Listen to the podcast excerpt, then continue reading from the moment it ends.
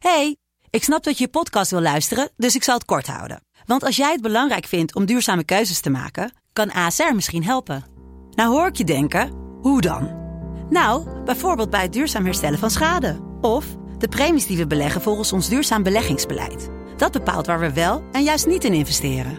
Wil je meer weten over welke duurzame keuzes ASR maakt? Ga dan naar asr.nl slash duurzame keuzes. ASR doet het. Zo, dan kan je nu lekker naar je podcast luisteren.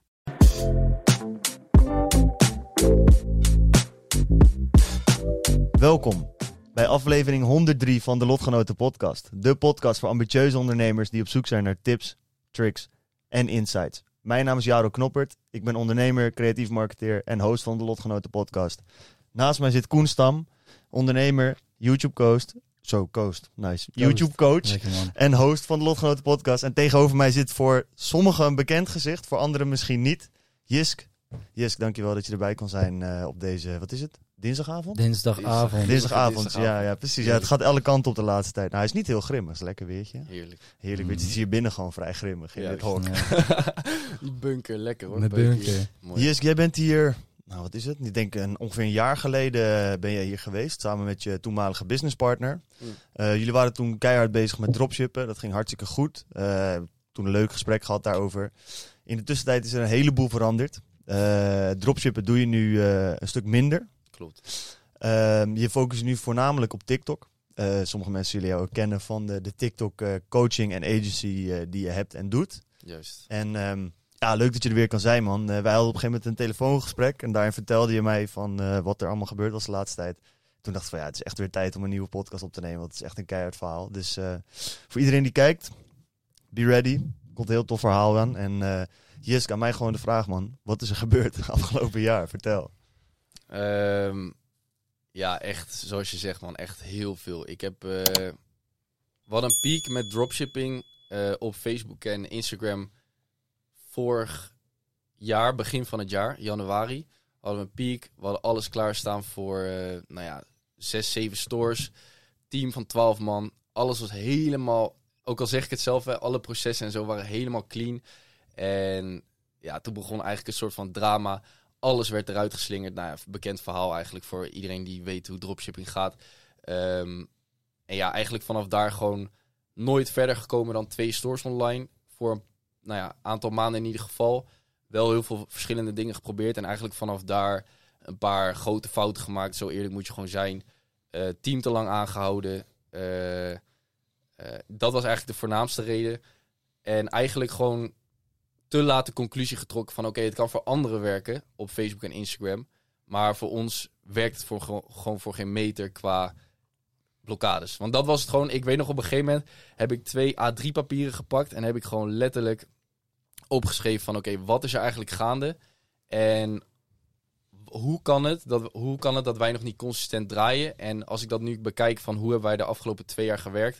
gaat er dan verandering in komen? En toen kwam ik eigenlijk tot de conclusie dat dat dus dat de grote kans was dat het niet zou gaan veranderen. En dat ik weet nog dat ik toen tegen Daan zei, ehm, dus mijn businesspartner, ehm, van toen van ja, eh, ik heb gewoon het gevoel dat als we, zo, als we hiermee doorgaan op dezelfde voet, dat ik van de zomer nog steeds niet uit huis kan. Want dat was een beetje het doel. Ik woonde thuis na het afstuderen HBO. En ehm, ik wou eigenlijk gewoon van de zomer, dus afgelopen zomer, wou ik zeg maar dan uit huis gaan. Ja, om zeg maar gewoon weer de wereld in te gaan, te genieten. Dan had ik mijn business opgebouwd, was alles clean. Maar ik zag het gewoon niet gebeuren door die eindeloze blokkades. En eigenlijk toen hebben we gewoon besloten... En toen kwam er ook nog aan trouwens dat we lijp veel holds kregen. Eh, Molly, Paypal, Shopify zelfs daarna. En, eh, en Alles dat- kwam op je dak. Letterlijk. Dat was gewoon, ja, gewoon echt even van, oké, weet je, het is goed gegaan, maar denk maar niet dat je zo door kan blijven runnen zonder dat er iets gebeurt.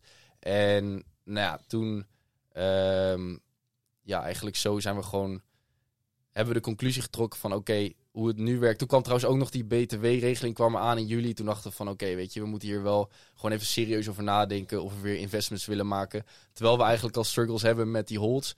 En toen hebben we gewoon besloten van, oké, we gaan in ieder geval voorlopig gaan we gewoon even zorgen dat we ehm, ja, in ieder geval stoppen met dropshippen via Facebook en Instagram. En ehm, nou ja, toen op een gegeven moment hadden we dat soort van besloten, maar was toch lastig, want je bent ergens mee bezig, je commit ergens toe. Ehm, dus je weet hoe dat gaat, is gewoon, dan denk je van ja, moet het wel echt. En toen op een gegeven moment was het dus zo erg met die holds, dat wij eigenlijk de creditcards die we dan gebruikten voor de cashflow, die moesten afbetaald worden. Maar die konden niet afbetaald worden, omdat een heel groot deel stond vast door die holds. En ehm, toen hebben we gewoon besluit gemaakt van oké, eh, we moeten gewoon apart van elkaar iets gaan zoeken om te zorgen dat die creditcards afbetaald worden. Want we stonden echt letterlijk iets van min 20k of zo. Hè? Dus het was, was best wel serieus. En die boetes op creditcards, als je die niet op tijd afbetaalt, ga je echt doodgemaakt worden. Dus nou ja, dat was dus best wel een grote struggle en echt best wel stressvol. En toen, uh, nou ja, vanuit daar eigenlijk uh, ben ik meer gaan experimenteren. Um, om gewoon ja, te kijken van wat is er nog meer.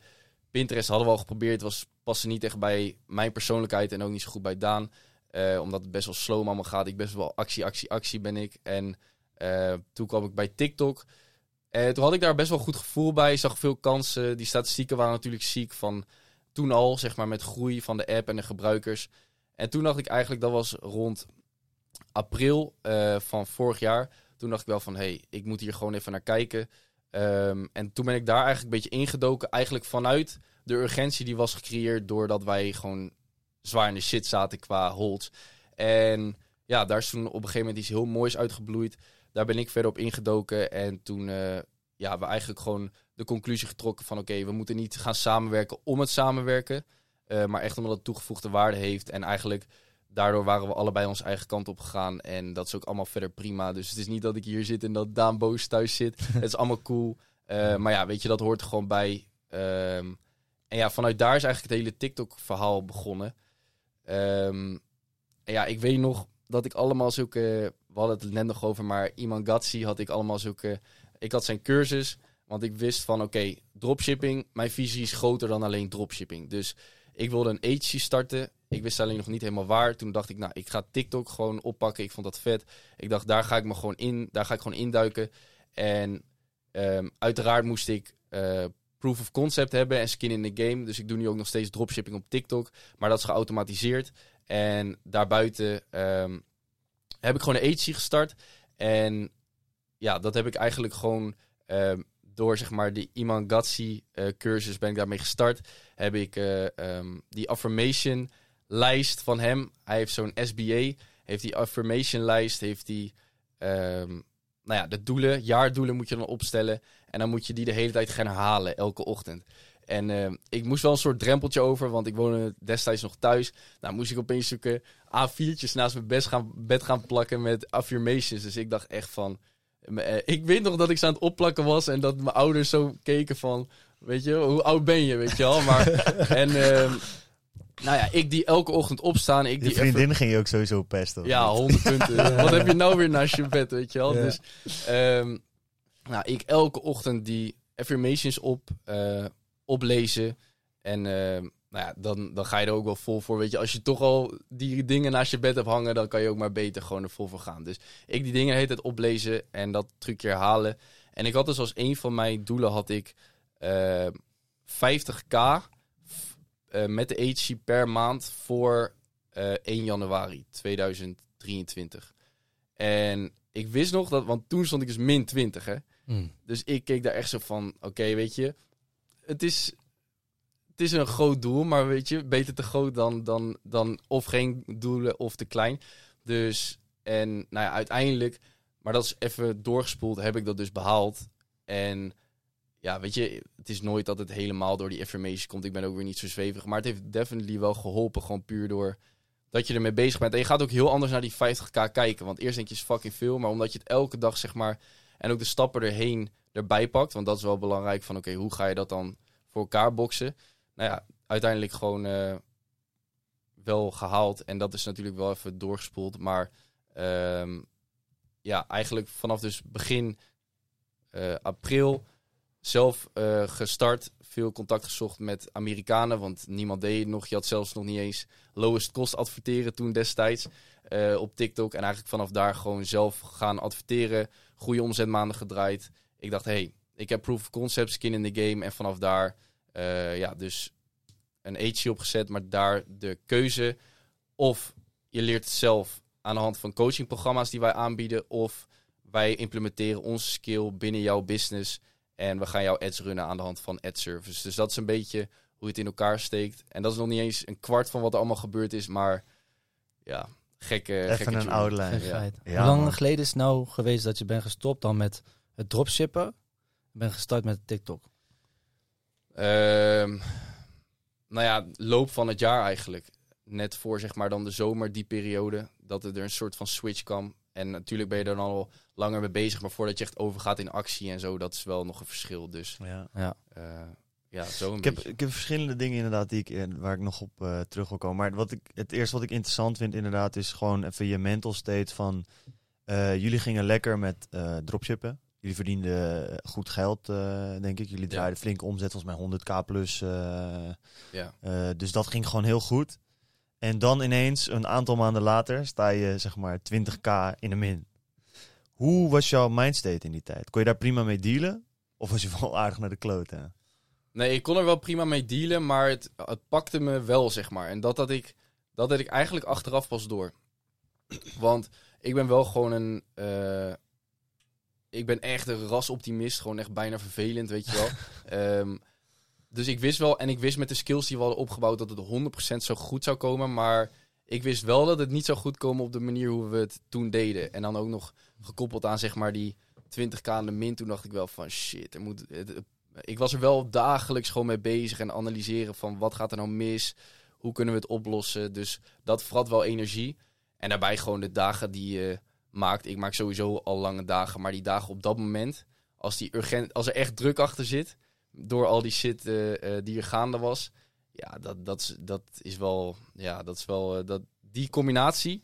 Want zeg maar, korte stress is gezond, maar lange stress is niet gezond. Dus gaan. ja, Mhm. dus dat was wel, eh, was wel even pittig. Maar op zich, qua mindstate, was het... eh, ja, ik, had wel, ik hou wel altijd vertrouwen van in je eigen skills, wat je kan, Ja. wat je hebt geleerd. Dus zo'n beetje, man, die combo. Merkte je het ook terug in je relatie wel eens? Dat je, dat je daar meer gespannen? Of heb je daar helemaal geen eh, effect van gemerkt? Ehm, nou ja, je praat er wel gewoon veel over. En ja, kijk, het is niet echt leuk voor mijn vriendin als Sophie.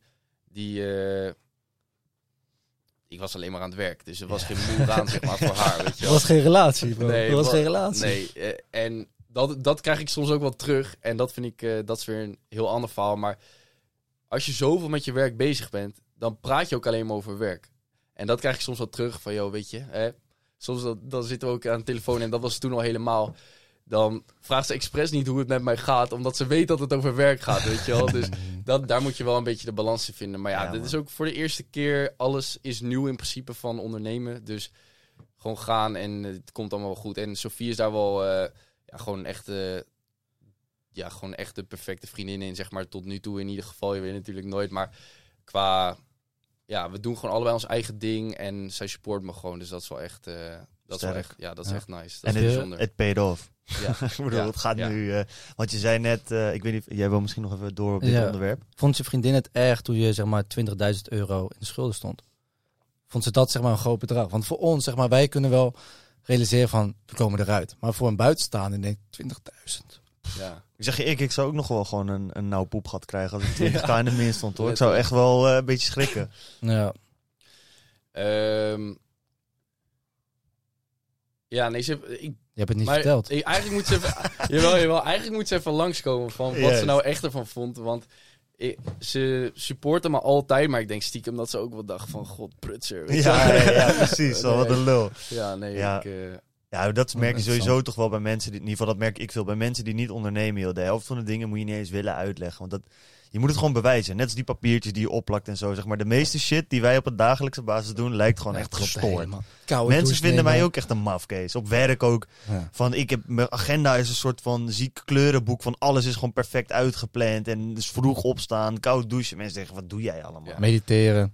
Maar ja, weet je, over 10, 20 jaar zit je op tientallen miljoenen en dan zit iedereen, joh, geluk gehad. Ja. Dat soort dingen. Ik, ja, nee, ik ben gewoon een idioot. Nee, maar wel vol. ja, dat, letterlijk dat, man. Dat is, eh, maar dat is soms ook wel lastig, want ehm, zeg maar, afgelopen jaar is mijn mindset echt compleet veranderd. Zeg maar, hij, hij was goed, maar omdat je op een gegeven moment, als je en ik denk dat dat op een gegeven moment iets wat je gewoon gaat tegenkomen. Je moet eerst zelf die transitie maken voordat je eh, ergens op een nieuw level kan komen. Dus, want er is altijd een soort plafond aan wat je kan bereiken voor jezelf. En als je daar voorbij gaat, dan kom je in een soort van andere mindstate. En dat is best wel frustrerend. Daar had ik het laatst nog over eh, op Instagram met zo'n andere guy uit de e-commerce. Van op een gegeven moment zie je ook dingen waarvan je denkt van holy shit, hoe kan je dit niet zien? En dan is het best lastig om daarover te hebben met mensen die het niet zien. Ja, En dat kan soms best frustrerend zijn. Dus dat is.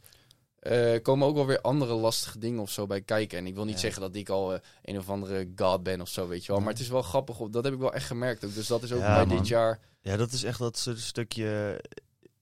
Het, ik, ik, vergelijk, ik kan het denk ik een beetje vergelijken met iedereen heeft het wel eens gehad. Dat je bijvoorbeeld met Lego aan het spelen was of zo. En je zoekt één blokje. Ik was fully aan het zoeken, zoeken, zoeken, zoeken. En dan denk ik je moeder van, yo, pik.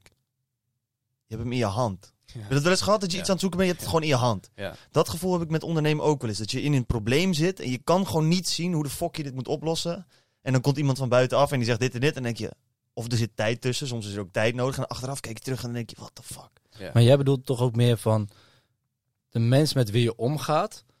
Omdat jij een andere mindset hebt ontwikkeld, ga je ook weer anders om met die mensen. Ja, bij, een beetje van beide. Ik heb inderdaad dat. Ehm, en ook gewoon over bepaalde dingen, hoe je daarover nadenkt. Dat dat steeds verder gaat afstaan van de mens. Van normaal. Van, ja, Want dat is wel. Ik had. eh ken je Hormozy?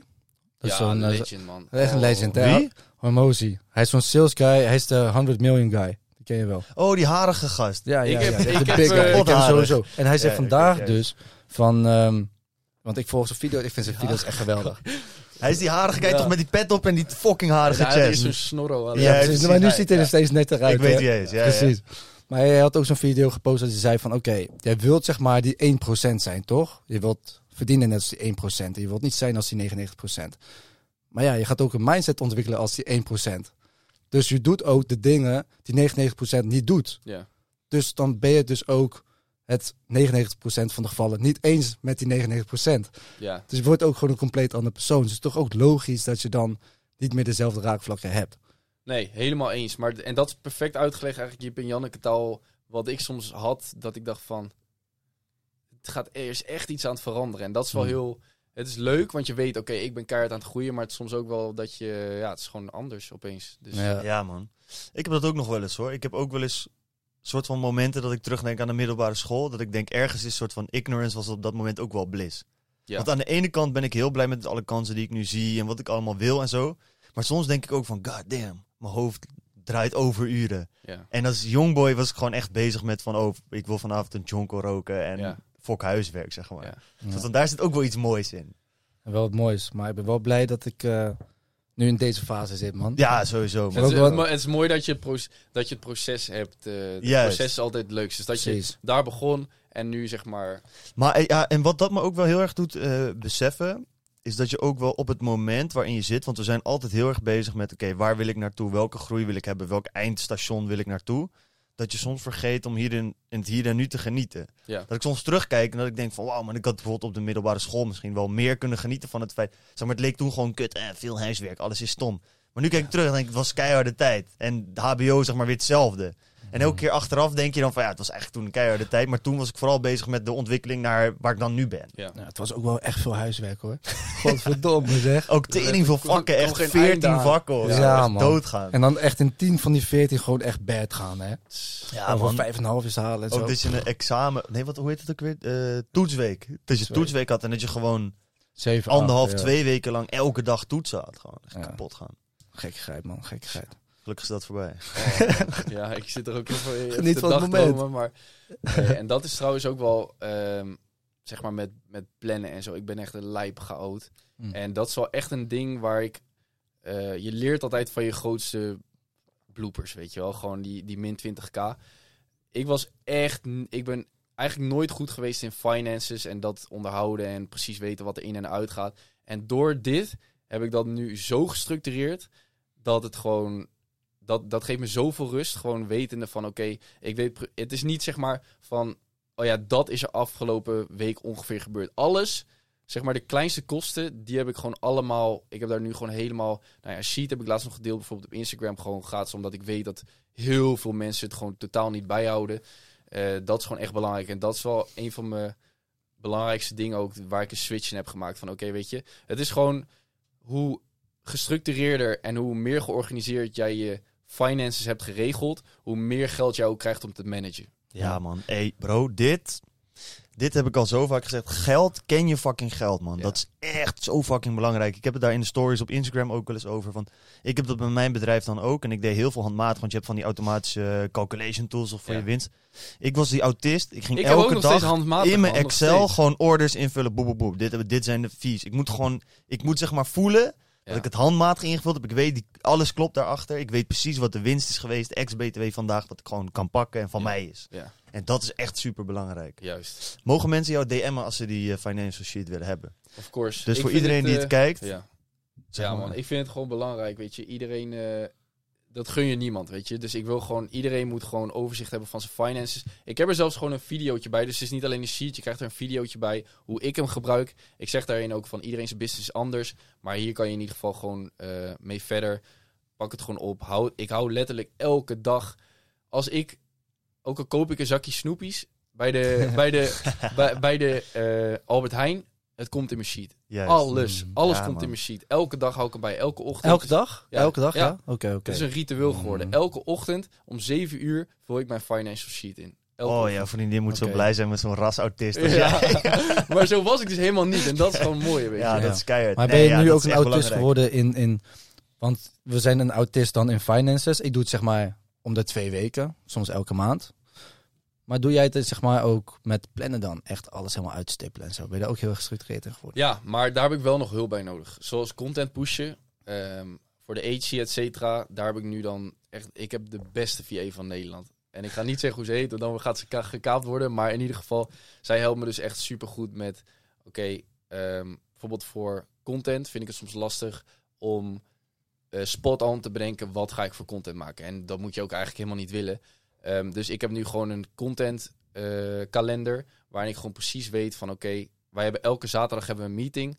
En daarbij bespre- bespreken we gewoon wat ik ga posten voor de volgende week. Zodat daar geen drempeltje meer is. Zodat ik precies weet van oké, ik moet dit en dit en dit posten. Deze onderwerpen en dat, dat soort dingen, dat komt steeds meer in terug. Dus waar we het laatst ook over hadden, de agenda eh, lijkt nu echt een kleurenpalet van allerlei dingetjes. Maar het is gewoon zo fijn Ja, en rustgevend. Heb je ook wel eens dat mensen, want ik heb dat op werk, dan kijken mensen om mijn schouder van, Jezus Christus, ziet jouw agenda er zo uit, wat een chaos. Dan zeg ik, luister, dit is mijn oase van rust. Letterlijk. het ziet er misschien rust, chaotisch uit, maar zonder deze shit krijg ik pas echt chaos. Maar dan krijg je ook niks gedaan.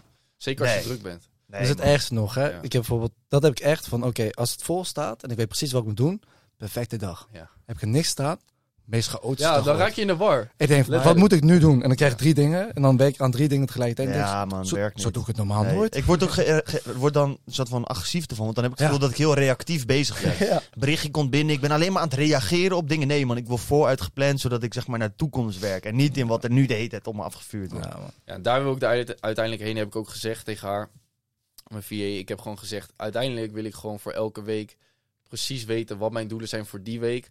Dat gewoon uitwerken in de agenda. En dat je dan gewoon aan die blokken kan werken in alle rust. Inderdaad, precies wat je zegt. Dat je niet Ja. drie dingen hebt en agressief wordt van het feit dat je denkt van, ah, ik begin daarmee. Oh nee, switch, switch, switch. En dat je gewoon uiteindelijk na het Nee, eind van de dag denkt van, Ja. Hoe, hoeveel, hoeveel uren huur, jij- huur jij haar in? eh, nu maar twee uur per dag. Twee Ja, uur per dag. Dat is ja. prima, dat is ook niet de en werkdagen, dus 10 uur. Of is dat meer? Is het zeg maar 14 uur? Hoe bedoel je? Hoeveel dagen in de week Werkdagen werkt, eh, of, eh, Eh, dagen? zes dan, met Zes zaterdag dan, erbij. oké. Ja, dat is echt snel gefixt al. Ja. Dat is goed man, we moeten dat voor de, voor de podcast ook echt fixen man. Ik ga er eentje voor mezelf ook nemen Goede hoor. VA is ja, echt dat is fucking fantastisch. belangrijk. Waar heb je haar gevonden dan? Gewoon via via? Eh, ja, eigenlijk wel. Gewoon, zij, zij heeft eh, zeg maar een soort van brand gemaakt van het feit dat ze VA is. Eh, en zij heeft ook een netwerk, dus misschien kan ik ook wel even connecten voor jullie, zeg maar. of Let's ze- go, man. Want ze heeft echt go. een heel netwerk met VA's, dus dat Ja? is super tof. Mm. Heel graag. En zij, vond, zij zei eerst van, ik ben zelf gestopt met VA-werk. Maar toen Toch eh, niet. Toen zag ze doekoe. Nee, ja, toen, zei, toen, had ik, eh, toen had ik opgeschreven wat ik ongeveer zocht in een VA. Ehm, en toen vond ze het zo leuk en goed bij haar passen. En wij waren een match dat, ik, dat ze zei van... ehm, ik, heb, go. ik heb niemand gevonden, maar ik wil het zelf doen. En toen dacht ik, ah, dit is echt ziek. Ja, Want ik had stiekem wel een beetje gehoopt, maar... Juist. Dat vertel je natuurlijk niet. Nee, Het is wel grappig, hè? Ik zat dat net een beetje te beseffen van... eh, iedereen kent die uitspraak wel van... eh, tijd is geld, maar vooral het feit dat eh, geld eigenlijk minder waard is dan tijd. Tijd is het meest waardevolle asset die je kan hebben. Iedereen weet dat wel. Tijd is het meest kostbare wat er is. Want als het uitgegeven is, bij wijze van spreken, is het weg. Ja. Maar dan is het eigenlijk tegelijk heel grappig dat er zo weinig mensen zijn die grip hebben op tijd. Iedereen is bezig met grip op zijn portemonnee, grip op weet ik voor wat. Maar niemand, eigenlijk veel te weinig mensen, de 99%, is bezig met heb ik grip op mijn tijd. Terwijl ze wel zeggen, grij- tijd is het meest kostbare dat er is. Juist. Ik vind dat eigenlijk heel raar, man. Ik besef dat het is fucking vreemd. Ja. Ja, tijd, energie en geld. Dat zijn eigenlijk de drie belangrijkste dingen, toch? Maar ja, je hebt wel geld nodig om weer tijd en energie vrij te spelen. Dat klopt, dat klopt, dat klopt. Weet je, en eh, een VA, dan denk ik heel veel mensen van ja, pff, dat gaat geld kosten. Ja. Maar ja, dus je moet wel een bepaald uren dus vrij spelen voor jezelf, waarmee je weer in- meer inkomsten gaat genereren. Dat je weet van oké, het gaat wel kloppen aan het einde van de rit. Ja. Als kan je om 7 uur s ochtends weer opstaan, maar eh Ja. word je niet blij. Nee. nee, en het is ook heel erg waar je je waardes eh, zeg maar legt. En wat je, wat je ook gewoon vooral leuk vindt. Kijk, ik heb nu gewoon echt... ehm, ja, praktisch... dat was trouwens wel grappig, want eh, Sammy, die zit hier ook. Eh, dit Sammy. Shout-out naar Sammy. Sowieso een dikke, dikke shout-out. Eh, die gaat dus ook mee naar Dubai. Ik ga zaterdag vlieg naar Dubai. En daar gaan we gewoon veel content gaan we schieten. Dus Sammy gaat mee. En dan gaan we gewoon een beetje lifestyle-achtig. Maar ook gewoon ja, allerlei andere dingen gaan we opnemen. En toen vroeg Sammy ook aan mij van... Hoe ziet jouw dag er dan een beetje uit? Dan kan ik een beetje, weet ik een beetje wat ik kan verwachten. Toen zei ik van ja... Eigenlijk, als ik heel eerlijk ben... Hoe, hoe ik nu... Hoe mijn dagen er nu uitzien... Is het heel saai voor jou dan zeg maar. Voor mij niet. Maar voor jou, als jij ziet wat mijn dag is, is best wel saai. Want ik werk alleen maar. Maar ik vind dat heel leuk. En zeg maar, ik werk dan hele dagen lang. Maar ik haal daar gewoon het meest plezier uit. Dus je zeg maar, ik hou ook heel erg van reizen. En daarom heb ik ook die overstap gemaakt naar Dubai, et cetera, et cetera, et cetera. Maar alsnog, als ik daar ben, ik werk ook bijna alleen maar. En omdat ik daar haal ik het meeste energie uit. Dus ik gaat niemand mij vertellen dat ik minder moet werken of dit of dat. Want ik, ja, ik vind dat gewoon geweldig, weet je wel. Mhm. Dus eh, ja, dat is ook nog weer zoiets van... Tuurlijk, tijd is belangrijk, dat besef ik me ook. Maar ik zit nu veel meer in die doelfase van... Oké, weet je, ehm, ik kan kiezen of ik ga een leuke activiteit doen. Maar die kan ik ook in mijn business stoppen. Want ik weet dat dit een ziek gro- grote opportunity is. Dus ik zit nu even in de doelfase. Ik laat het even los en ik ga gewoon even actie, actie, actie. En eh dan komt daarna wel een keer die, eh, Ja. die tijd en iets meer ontspannen. Dus dat is ook wel grappig hoe je... Soms moet je ook gewoon ehm, ja, even doen waar je je goed bij voelt op dat moment. Ja, je. Je zit nu gewoon het is- midden in die grindfase. Ja. Maar hij zit in de flow. Ja, En momentum. Dat is prima. Ja, je zit in dat momentum. lekker. Dat is heerlijk. Dat is het beste wat je kan hebben. Ja, en je bent toch ook wel gewoon, nou ik wil het niet direct generational wealth aan het creëren, maar je bent wel gewoon een heel stabiel platform voor jezelf aan het bouwen. Dat als je nu even twee jaar grind, ja, dat je zijn, ineens een ja. heel stuk voor staat op de rest van de wereld. ja, we zijn, wel, we zijn wel hard aan het knallen. Maar goed, dat, eh, het belangrijkste voor mij is nu gewoon ehm, consistentie, echt een machine bouwen van Ja. wat je... En dat vind ik ook het leukst, zeg maar. Dat, dat vind ik echt het allerleukste aan business. Dat je op een gegeven moment gewoon letterlijk kan zitten. Ik doe het nog steeds heel suf met een, gewoon een eh, A3 eh, papier of A4. En dan ga ik gewoon lekker uitschrijven van... Of een beetje uittekenen van... Oké, waar sta ik nu? Waar wil ik heen? En hoe gaan we er echt een machine van maken? Dat vind ik echt fantastisch. Dus dat... En dat is gewoon... Op een gegeven moment, als het voor jou gaat draaien... Ja, dan ga je daar gewoon... eh, dan, dan, is er geen, dan kan je niet gestopt worden. Ja. En dat is het aller... eh, dat, daar zijn we nu middenin. Want je hebt nu ook een agency. Ja. En eh, wat houdt dat zeg maar in voor mensen? Is dat, eh, nou, vertel maar. Ja. ja dat ik dat zelf, was de eh, vraag. agency. En daarbij geef ik eigenlijk de- aan de voorkant de mensen, de e-commerce ondernemers, dus wel echt gericht op e-commerce, ehm, geef ik de keus, wil je de skill zelf leren aan de hand van het dropshipping model? Ehm, of wil jij dat wij onze skill implementeren binnen jouw business aan de hand van het agency model plus, noem ik het altijd, omdat het, het is niet alleen ad service, want daarmee ga je het niet redden op TikTok, omdat mensen moeten eerst de TikTok mindset krijgen en weten wat een new of marketing inhoudt, anders wordt het één grote flop letterlijk mensen gaan dan. ik heb het in het begin gedaan, want alles is nieuw proces, leerproces ook voor de agency. Mensen gaan letterlijk content aanleveren in zo'n zo totaal niet het TikTok-formaat, weet je wel. Hm. Ja, dan kan je wel ads runnen, maar dat heeft totaal geen zin. En jij wordt uiteindelijk afgerekend op de resultaten. Dus die hebben we helemaal omgedraaid. We geven dus aan de voorkant, voor de ad service praat ik dan nu over, gewoon wel echt training van oké, waar komt het platform vandaan? Ehm, wat is goede content? Waar herken je goede content aan? Hoe kan je het zelf maken? En dan vanuit daar gaan we zeggen, oké, nu gaat het starten. Maak je content. Je hebt ook opties om het uit te besteden. Dan is het niet bij ons, maar weer een connect van ons. En, ehm, maar het mooiste is uiteraard als ze het zelf gewoon een team voor hebben. En dan weten ze in ieder geval hoe ze die content moeten maken. Tuurlijk, het is een leerproces, maar daar ga je veel sneller ga je daar resultaten door zien door het zo in te steken, hebben wij gemerkt. Dus ehm, dat is een beetje de splitsing. Coaching traject is twee maanden, gewoon echt keihard beuken. Ehm, en de ad service is minimaal drie en we gaan nu naar zes toe, omdat eh, ja, altijd beter. Zes Ja, maanden heb je meer tijd of voor optimalisatie en uiteraard qua finance is Ja. het ook gewoon eh, voordeliger. Oké, Sterk. Nice man. Wat vind je het leukst om te doen van die twee?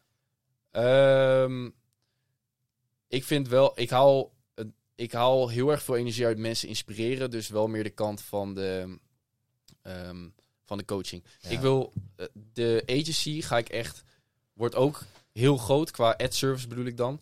Ehm, maar ik ga dat, dat wordt mijn cashflow business. En coaching met personal brand erbij ga ik echt eh, uitbouwen. Zodat ik daar over de long term gewoon heel veel profijt van heb. Ja. Eh, zo zie ik het. Sterk. Ja. En, en hoe zie jij dan de toekomst van eh, TikTok? Daar ben ik wel benieuwd naar. Want je zet Hmm. natuurlijk op de long term in op TikTok.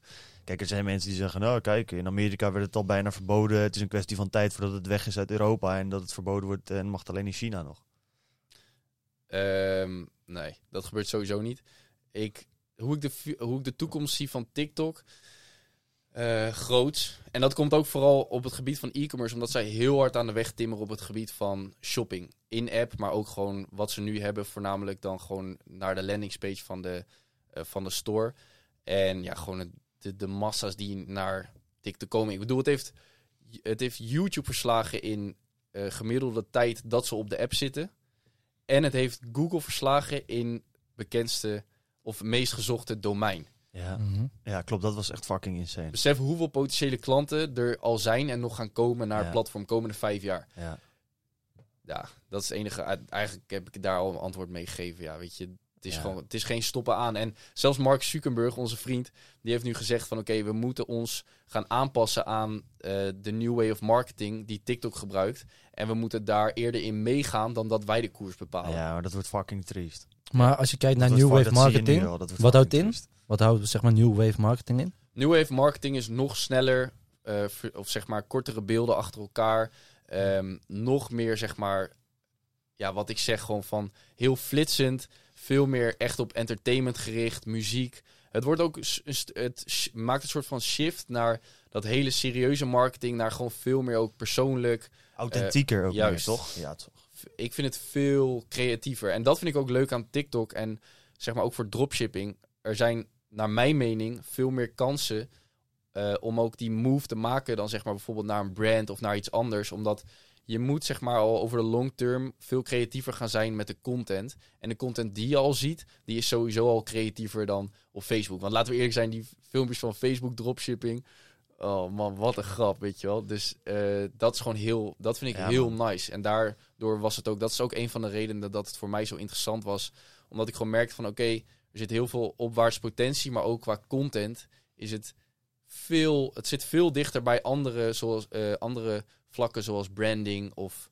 Ehm. Creativiteit wordt beloond. En dat vind ik heel erg nice. Juist. Bij Facebook, eh, ja, daar heb ik nooit zo genoeg aandacht aan geschonken eh, om te weten van wat zit daar nou precies achter.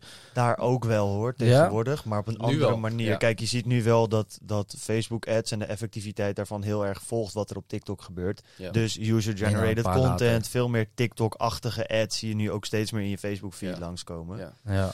Maar dat is dan nog steeds meer een, een slap aftreksel van wat er eigenlijk op TikTok Want gebeurt. het zieke is dus dat sommige advertenties van TikTok, die nu ook wel eens langskomen, tenminste op Facebook of op Instagram, als je die advertenties ziet, die krijgen ook gewoon amper likes. Of mensen vinden het niet echt een, na- nice om daar naar te kijken. Maar ze worden nu uitbesteed voor dan echt die creators inderdaad. En het zijn video's die ik zelf ook gewoon zou kijken, omdat er gewoon waardevolle informatie in staat. Maar het is wel reclame voor advertentie. Ja. Dus Ja. het is wel echt dubbel. Het is niet meer echt meer verkopen, maar het is waarde leveren, creativiteit, waardoor je echt die persoonlijkheid inderdaad krijgt, die eh, branding. Het is een beetje net als die eh, eh, advertentie van de Appie toch, met die Appie guy. Die kale Die nu man. weg is. Die kon je gewoon Ja. kijken, puur omdat je het al fat toe vond, zeg maar. Het was gewoon leuk om die ad te kijken. En ja, verder, tuurlijk verkocht het ook iets. Maar dat is denk ik gewoon iets wat eigenlijk altijd al zo geweest is. Van, waarom moet marketing alleen verkopen? Het is juist ook heel belangrijk dat marketing vermaakt. Want misschien Juist. verkoop ik niet nu aan jou, maar je blijft wel kijken. En als ik jou vaak genoeg laat kijken, dan ga je op een gegeven moment wel kopen. Ja, Ja. en dat is letterlijk, dat wordt bijna al de cliché. En dat is wat ik mijn studenten ook ehm, als een van de eerste dingen gewoon zeg. De New Wave Marketing houdt in, maak geen advertenties, maak TikToks. En Juist. daar komt, dat is eigenlijk precies de samenvatting van wat we zo net zeiden. Van, eh, eigenlijk is het, hoe be- het is beter als de klant überhaupt niet doorheeft dat jij iets verkoopt. En dan opeens die shop now button tevoorschijn komt. En dan denk je van, hé, hey, dit kan ik dus ook kopen. Weet je wel? En daar ga je Mm. gewoon, dat is Ja. gewoon super interessant. Ja, Ja, ja, je wil eigenlijk dat die klant het, de video ziet en denkt... Oh, Lau, dit zou ik best wel willen proberen, willen zien of weet ik veel wat. En dat je dan dat krijgt. Juist. Want dan is het gedachte, kans. Ja. Ja, man. En het, je hebt nu zeg maar dat je producten verkoopt. Ehm, heb je ook zoiets dat er diensten worden verkocht? Ehm, ja, absoluut. Je hebt heel veel personal brands die gaan sowieso naar TikTok. Jullie hebben ook best wel groot profiel op TikTok. Zeker. Het is gewoon, je kan een zieke audience opbouwen. En ehm, daar kan je dan bijvoorbeeld weer je dienst aan koppelen. Dus bijvoorbeeld, ehm, dat is echt trouwens echt een fucking grappig verhaal. Ik heb, ehm, ik werk dus samen. Dus wij hebben die partnership die ik ook op mijn Instagram heb staan. daarvan is een jongen en daar werken heel veel mee samen. Eh, we hebben gewoon echt een fucking goede klik. En we hebben gewoon sommige mensen die inspireren jou heel erg. En kan je aan de andere kant ook heel erg inspireren. Ehm, en dat hebben wij gewoon echt. En ehm, dat was wel echt heel komisch. Want zonder dat ik het door hij- Ik had, ik had laatst zat ik met hem aan de telefoon een week geleden. En ehm, toen zei hij van. Hij heeft dus nu, daar komt het eigenlijk op neer. Hij heeft nu een traject. eh, hoe jij je personal brand kan laten groeien op TikTok. Hij heeft zelf plus 100k volgers. En daar runt hij nu trajecten voor om mensen daar ook zeg maar, in te helpen. Om ze zeg maar, te laten groeien op een organische manier. Dus los van alle ads en et cetera, et cetera. Ehm, dus heel ander businessmodel. En ehm, hij is gewoon echt de king of content. En dat vond ik toen al. En dat zag ik zag gewoon dat hij veel kennis had. En ik zei, daar moet je wat mee doen. Ik zei, ja, dat zou ik ook wel echt willen. Een coachingprogramma om mensen daarmee te helpen. Dat lijkt me altijd al vet. Hij heeft letterlijk shows gehad. Eh, hij heeft shows gemaakt voor bedrijven uit Amerika die honderden miljoenen views hadden op YouTube. Dus hij wist al hoe, die, hoe de game werkte. Maar hij wilde daar ook mensen mee inspireren en daarmee helpen. En toen op een gegeven moment belde ik hem op. Ik zei van, yo bro, ik heb zo net de eerste eh, klant voor jou geclosed voor jouw traject. En hij had nog niks, hè. Hij had nog helemaal niks. En ik had al een klant geclosed voor hem, eh, voor dat traject. Ehm, en toen moest je dus opeens aan de bak. Maar ik was daar, omdat ik hem dat gewoon gunde en ik hem daarin wilde inspireren, omdat ik wist dat hij dat belangrijk vond, had ik dus iemand geclosed, eh, terwijl hij nog geen traject had. Dus daarna zie je als een tierenlier aan gaan werken. En heeft hij het uiteindelijk voor elkaar gebokst. Maar hij zei dus aan de telefoon van wat. Aan de ene kant vind ik je een eikel. Want ik moest opeens naast mijn eentje die ik runde ook nog lijp hard werken om dat traject voor elkaar te boksen. En daar zoveel mogelijk waarde in te geven. Maar hij heeft nu, ondertussen heeft hij iets van tien eh, mensen heeft hij daarmee geholpen. En ehm, nu gaat hij er ook echt zeg maar verder business van maken. Dus dat soort dingen, dat, en daar dacht ik even aan, maar dat is echt Ja. super tof, dat soort eh, Ja. dingen. En dat is, ook, dat is ook een dienst. Keihard. Ja. Ja. Ja, ik zat net voor, voordat je daarover van zeg maar. eh, We hadden het over dat je op TikTok dus een bepaalde manier van content maken hebt. Die goed werkt op TikTok. Dat zie je ook heel erg met de ads die je gaat gebruiken. Je kan niet kopiëren wat je doet op Facebook of op Pinterest.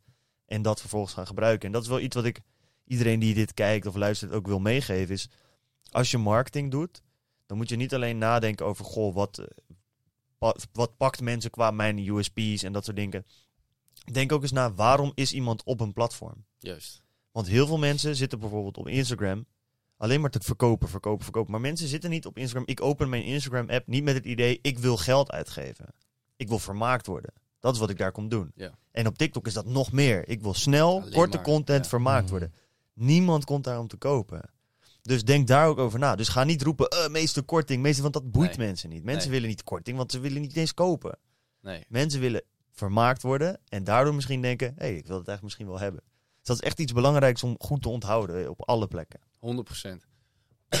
ja, dat is echt. En dat, dat, is, dat is dus ook het zo leuk aan, eh, aan het hele TikTok. Daar Ja, kan je gewoon creatief mee zijn. Ja, man. Ja, ik heb ook, dat is wel leuk voor iedereen die dit luistert. Mensen hebben dat ook wel gezien in Instagram, dat ik een tijdje, paar maanden terug ben ik ook even bezig geweest met dropshippen. Daar hielp Jesk mij toen, eh, toen ter tijd ook mee. En ehm, dat ging ook best wel snel. Ik denk echt binnen een maand, anderhalve maand, begon ik het door te krijgen. En toen heb ik eh, een weekend gehad waarin ik echt meer dan 20k omzet had gedraaid. Gewoon puur op TikTok, gewoon producten pushen.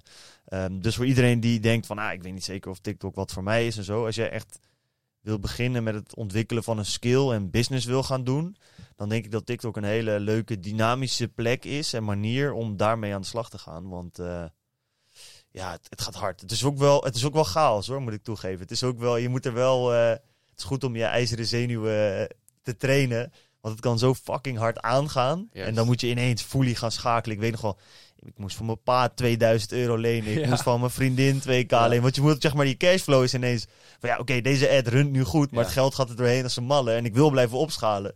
Dus ergens moet geld vandaan komen. Ik weet nog dat wij toen wel een, eh, dat wij toen een schaalplan gingen maken. En dat jij, eh, dat we daar, nou, dat hadden we helemaal uitgewerkt. En toen zat jij zo volgens mij een beetje in je hoofd te rekenen van, oké, hoeveel gaan we nou spenden op één dag? En toen was het toch best wel veel. Toen dacht je van, oh, misschien moeten we toch even wat interesses weglaten. Ja, man. Maar ja, Ja, uiteindelijk man. wel gewoon naar 20k gepusht. Dus dat is dan Zeker, wel, eh, ja. wel tof. Ja, man. Ja, en toen, ja, uiteindelijk, voor, ik, niemand ziet dat nu nog in die stories. Ik ben daar toen mee gestopt, omdat ik gewoon... Ik hoorde het van jou, toen leek het me heel tof. Toen ben ik het gaan doen en ik vond het ook tof. Maar toen merkte ik op een gegeven moment, mijn focus was veel te verdeeld. Ja. En dit was het gewoon hetgeen waar ik uiteindelijk het meeste energie uit... Of het minste energie uithaalde in met alles wat ik aan het doen ben. Want iedereen die dit kijkt weet ook wel, ik, ik werk part-time vier dagen in de week. Dan doe ik nog de podcast. Dan heb ik nog een brand. Ik heb nog een vriendin. Dat is eigenlijk ook een soort van business. Ja. ja. Dus ja, uiteindelijk met al die dingen werkte het voor mij niet. Maar meer voor iedereen die dit luistert en die toen die resultaten zag en dacht van... ...joh, hoe de fuck kan dit zo snel? Jis was de man die mij daarbij geholpen heeft. Ja, en dat is wel grappig wat je zegt van ehm, ehm, qua focus. Ik heb dat ook. Ik heb nu, nou ja, nu al plus 80 mensen ehm, geholpen met TikTok ads en het eh, opzetten van een eigen business. En wij hebben daar ook, wij doen elke week doen we een call met de coaches en dan gaan we ook best wel vaak over het onderwerp van hoe kunnen we nou de delivery nog beter maken zodat er nog de succesrate nog hoger gaat zijn. Eh, want wij hebben gewoon op het traject hebben wij acht weken beuken, 5k garantie, eh 5k omzetdag garantie. Als je dat niet haalt, blijf je binnen het programma totdat je het wel hebt gehaald. Want wij willen gewoon dat jij die investering eruit haalt. Wij, wi- wij willen gewoon keihard eh, nieuwe TikTok kings willen wij gewoon opleiden. En toen hadden we het ook over van hoe kunnen we dan delivery aanpassen. Maar we gingen ook kijken van oké, welke mensen halen het dan wel en welke haal- eh, mensen halen het dan niet. En dat heeft letterlijk mindset is een groot deel, heel groot deel, maar ook focus. En Ja, jij had wel de mindset, want je hebt uiteindelijk gewoon die 20k. Je bent blijven testen, consistent. Dat was allemaal top. Maar de focus was er niet. En zeg maar, de nummer één waarde was niet voor jou. Value was niet op dat moment dropship. Omdat je gewoon veel te veel aan je hoofd hebt. En dat is dus ook wat ik zie bij studenten. Het verschil tussen mensen die eigenlijk... eh, en dat is secret sauce. Maar ik kan eigenlijk na twee, één, twee calls kan ik al zien of die mensen succesvol gaan draaien. En terwijl ze in principe allemaal hetzelfde doen. Qua ze implementeren wat ik ze leer en mijn team hun leert. Maar toch is er verschil. En dat heeft echt alles te maken met hoeveel focus, hoe geloof jij 100% dat dit jou gaat lukken. Die twee dingen zijn ook heel Ja, belangrijk. dat is het, man. Mhm. Daarin heb je mij toen ook goed geholpen. Dat je gewoon, dat je ook aangaf van, bro, ik weet, er gaat nu best wel veel geld uit. Want ik was op een gegeven moment, ik was aan het testen, testen, testen. Op een gegeven moment ging, ik weet niet precies hoeveel ik had voor, denk ik, 2 of 2,5k getest. Ja. Toen dacht ik wel van, ja, het geld gaat er best wel snel Ja, uit. ja, ja. 2,5k, best veel geld. Ja. En, eh, maar jij zei van, bro, blijf gewoon die shit testen. Ik beloof je, binnen de, zeg maar, 10 tot 30 producten die je test, komt er gewoon één die alles terugverdient. Juist. En ik zat van, ja, oké, nou, fuck it, weet je. Ik ken je Ja, lang. klo- klootzak. Ik, nee, ja, ik dacht, ik ken je lang. weet je ik weet, jij doet het goed, dus ik dacht van, ik blijf pushen. Maar daarin merk ik wel, en dan geloof ik ook gelijk wat je zegt van wat de, de, de selecterende factor is. Ja, ik heb ook wel gewoon momenten gehad dat ik dacht, god damn, veel geld. Ja. Oké, hoofd, gedachte op nul. We gaan gewoon het systeem volgen en blijven gaan. Juist. Blijven gaan. Maar ik kan me heel goed voorstellen dat er veel mensen zijn die op een gegeven moment denken, eh, die pijn is te groot, eh, ik ga iets anders doen of ik laat het verwateren. Mhm. En dat zou mijn tip zijn ook aan mensen daar. Van iedereen die het gaat doen. En ook in alles wat je doet qua business. Iedereen ervaart pijn in business. Zo. Door onzekerheid. Door dingen die fout gaan. Door allerlei verschillende factoren. En het is er niet. eh, het is niet de bedoeling dat je gaat proberen nooit die pijn te ervaren. Want die pijn gaat op alle niveaus. En soms gaat het gigantisch zijn, soms wat minder. Ja. Wat ik heel erg gemerkt is, is meer dat je een soort van je pijngrens moet verhogen. En ook pijn moet kunnen negeren. Gewoon van, oké, ik voel me onzeker over deze shit. Ik weet niet of het gaat werken. Maar zorg dat je gewoon een plan hebt. En blijf gewoon dat plan volgen. Spreek Ja. met jezelf af. Dat heb je ook met jou vaak besproken. 100 dagen. Dit is mijn strijdplan. Ik ga dit 100 dagen volle bak doen. En er gaan momenten zijn dat ik wil stoppen. Maar tot die dag 100 stop ik sowieso niet. En als je dat gewoon dat doet. is zo sterk. Ja, Dat man. Dat moet gewoon. En het is eigenlijk heel eenvoudig. Het is heel eenvoudig. Maar dat is ook waar heel veel mensen, waarom heel veel mensen die het wel proberen niet succesvol worden. Omdat ze niet de saaie en de eenvoudige dingen constant willen herhalen. En Ja. dat is wel gewoon. Ik heb nu ook gezegd van. Je kan er van mij op aan dat ik sowieso dit jaar. Alles wat ik doe is in het teken van TikTok. Alles. Ehm, en dat gaat waarschijnlijk nog voor veel langer zijn. Maar in ieder geval voor dit jaar is alles wat ik doe is gefocust op TikTok. En daarom hebben wij ook zo'n ijzersterk programma. Komen er ook zoveel opportunities weer, waar we het net over hadden, van die erbij komen. Ehm, omdat je gewoon, alles straalt uit dat jij, jij ademt TikTok. En dat weten mensen, jij weet het zelf. En daar gaat gewoon heel veel uitkomen. Dus dat Ja, is, man. dat, de, en dat voelt ook gewoon goed, weet je wel. Dat je gewoon weet van, oké, alles wat ik dit jaar ga doen, is in het kader en staat in het teken van TikTok. En niemand kan me wat maken, ook al lijkt het gras aan de overkant groener. Ik ga gewoon Mm. zorgen dat ik me oogkappen opdoe, ga pompen en gewoon daar... Dat is belangrijk, hè? Maar heb je dat Heel altijd al gekund? Heb je dat altijd zo scherp gehad? Want het is ondernemers eigen om continu overal kansen te zien. Ja, Denk ik. Nou, ja ik weet, dat is nog een goede vraag. Ik weet niet... eh, Ja, ik heb wel... Ik heb, zeg maar, vroeger... Ik heb heel veel discipline opgedaan. Ik deed... Vroeger deed ik topsport, dus ik hockeyde net tegen het Nederlands elftal aan, zeg maar, van de jeugdelftallen gezeten. Daar heel hard voor getraind, terwijl iedereen al uitging, was ik alleen maar vier, vijf keer per week aan trainen, trainen, trainen. Eh, want ik had de visie en dat was Nederlands elftal halen. Nou, toen uiteindelijk ehm, ben ik afgevallen bij voorselectie van Nederlands. Ehm, heb ik dat net niet gehaald. En toen heb ik daar eigenlijk de switch gemaakt van ehm, alles wat ik vroeger in topsport stopte, stop ik nu in ondernemen. Dus ondernemen is eigenlijk het nieuwe topsport voor mij geworden. En doordat ik discipline, die discipline toen al had, weet ik ook wat, het, wat er voor nodig is om echt hard te gaan. En dat heeft me wel, daar, daar denk ik nog wel echt vaak aan terug. Dat ik denk van dat is wel echt goed geweest dat ik dat toen Ja. zo het heeft je een voorsprong gegeven. Heel erg. Ja. Dat heeft Ja, je echt man. een super voorsprong gegeven, man. Want het begrip van opportunity cost, dus de kosten van een, van een kans, die, die, heel veel mensen snappen dat niet goed. Want kijk, heel veel mensen kijken bijvoorbeeld naar, eh, je bent keihard aan het knallen met dropship of het begint een beetje te lopen. En dan zie je ineens een vriend van jou die heel hard gaat in, in eh, crypto's. Ja. En dan denk je, oh, what the fuck, deze guy heeft in, eh, in een half jaar tijd twee ton gemaakt, weet je wel. Ja, als ik dat niet ga doen, ik maak nu 5k per maand. Ik kan beter doen wat hij doet. Hij pakt die twee ton. Maar wat heel weinig mensen snappen, als je dat niet doet, dan voelt het alsof de kosten van die kans die je mist, is dus 2 ton in potentie. Maar heel weinig mensen vergeten dat er niet alleen een kost zit aan die keus, maar ook een kost aan het feit dat je hetgene wat je achterlaat. En dat vergeten mensen altijd. Er zit namelijk ook een hele grote kost aan het feit als je iets niet volledig op focust. Want je zou misschien van dat dropshippen 200k per maand kunnen pakken. Als je daarop blijft focussen. Maar omdat je gefocust bent op andermans kansen, mis je die kans. Ja. En dat is die opportunity cost. Van het kiezen of laten gaan van een kans heeft niet alleen die kosten. Het heeft ook de kosten in wat jij zelf al aan het doen bent. En dat moeten mensen goed begrijpen. Shit is tweezijdig. Moet eigenlijk de loterij moet je omdraaien. Van, oké, je kan 1 miljoen winnen. Juist, Maar met elke keer als je afgeleid, afgeleid bent, verlies je 10.000 euro. juist. En dan bij de meeste mensen gaat het hartstikke hard. Maar als je die focus houdt, dan bereik je wel die 1 miljoen. Precies, dat is, ook, dat is letterlijk hoe een loterij geld verdient. Een loterij verdient geld omdat er duizenden idioten zijn die denken als ik een tientje inleg, dan ga ik 10 miljoen winnen. Maar er zijn een miljoen mensen die een tientje inleggen die niks winnen. En eentje die 1 miljoen pakt, ja, dat is een goede deal. Mhm. En voor die ene persoon was die opportunity cost wel goed. Want ja, hij heeft een tientje ingeruild voor een miljoen. Maar die andere mensen hebben waarschijnlijk al tienduizenden euro's ingewist. Als ze dat gepakt hadden en in iets verstandigs hadden gezet, hadden ze misschien ook een miljoen kunnen maken. Tja. En daarom, eh, tenminste dat merk ik wel, nu in de afgelopen paar maanden, nu ik ook met mijn nieuwe business bezig ben, is van, oké, ik merk dat ik met mijn oude business, deed nog echt tien dingen, dat ik gewoon één ding moest doen. En nu merk ik van, oké, die KPI's, wat jij bijvoorbeeld zegt met je systeem, ik heb ook gewoon mijn KPI's elke week, mijn, eh, mijn dingetjes die ik gewoon af moet krijgen, af moet strepen. Mhm. En die zijn ook soms hartstikke saai. En soms zit ik hier en denk, ah, gaan we weer, hè? Moet ik het weer gaan doen, hè? Maar ja, dan heb ik ze afgemaakt en dan weet ik wel weer van, oké, dit brengt me wel weer een stap verder. En op de dagen dat ik dit niet doe, merk ik gelijk bij mezelf. Nu ben ik weer chaotisch aan het doen. Het is de Ja. dag waarop ik niet plan. Doe ik allemaal dingen, dingetjes bij elkaar. En uiteindelijk kijk ik een beetje achter me om en denk ik, het heeft helemaal geen resultaat gehad. Helemaal niks. En voor je het weet is er een jaar voorbij, heb je geen klote bereikt. Hè? Dus dat, je, bent gewoon letterlijk de trap aan het, aan het bewandelen. En Cirkeltjes, eigenlijk. ja, maar als je, ik bedoel, als je wel zeg maar goed gaat, dan Ja. bewandel je die trap. Er Ja, zitten ook kutdagen tussen, maar die, die dingen moet je ook doen. Ja, man. Ja. En dat is wel echt... eh, Waar ik ook nog wel benieuwd naar ben, is eh, je gaf aan, je had op een papiertje gezet, ik wil 50k per maand eh, omzetten met mijn agency. Dat heb je gehaald. Je bent daar volgens mij ook best redelijk overheen gegaan. Ja. Ehm, hoe ga je daarmee om? Want op een gegeven moment, je hebt dat papiertje, dat is het, een soort van heilige doel waar je continu naar werkt en dan is het er. Oké, wat nu?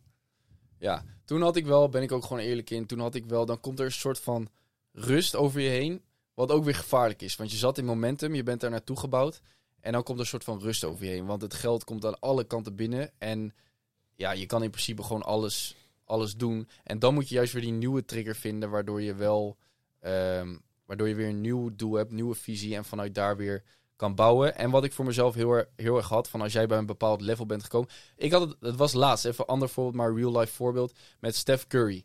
Die was aan toe, eh, naartoe aan het werken dat hij number one eh, in three-point shooter werd. Dus de meeste three-pointers gemaakt. Dit is ook basketbal voor mensen die dat niet Ja, scherp sorry, hebben. sorry. Basketbal, Basketbal, NBA. NBA. Ja.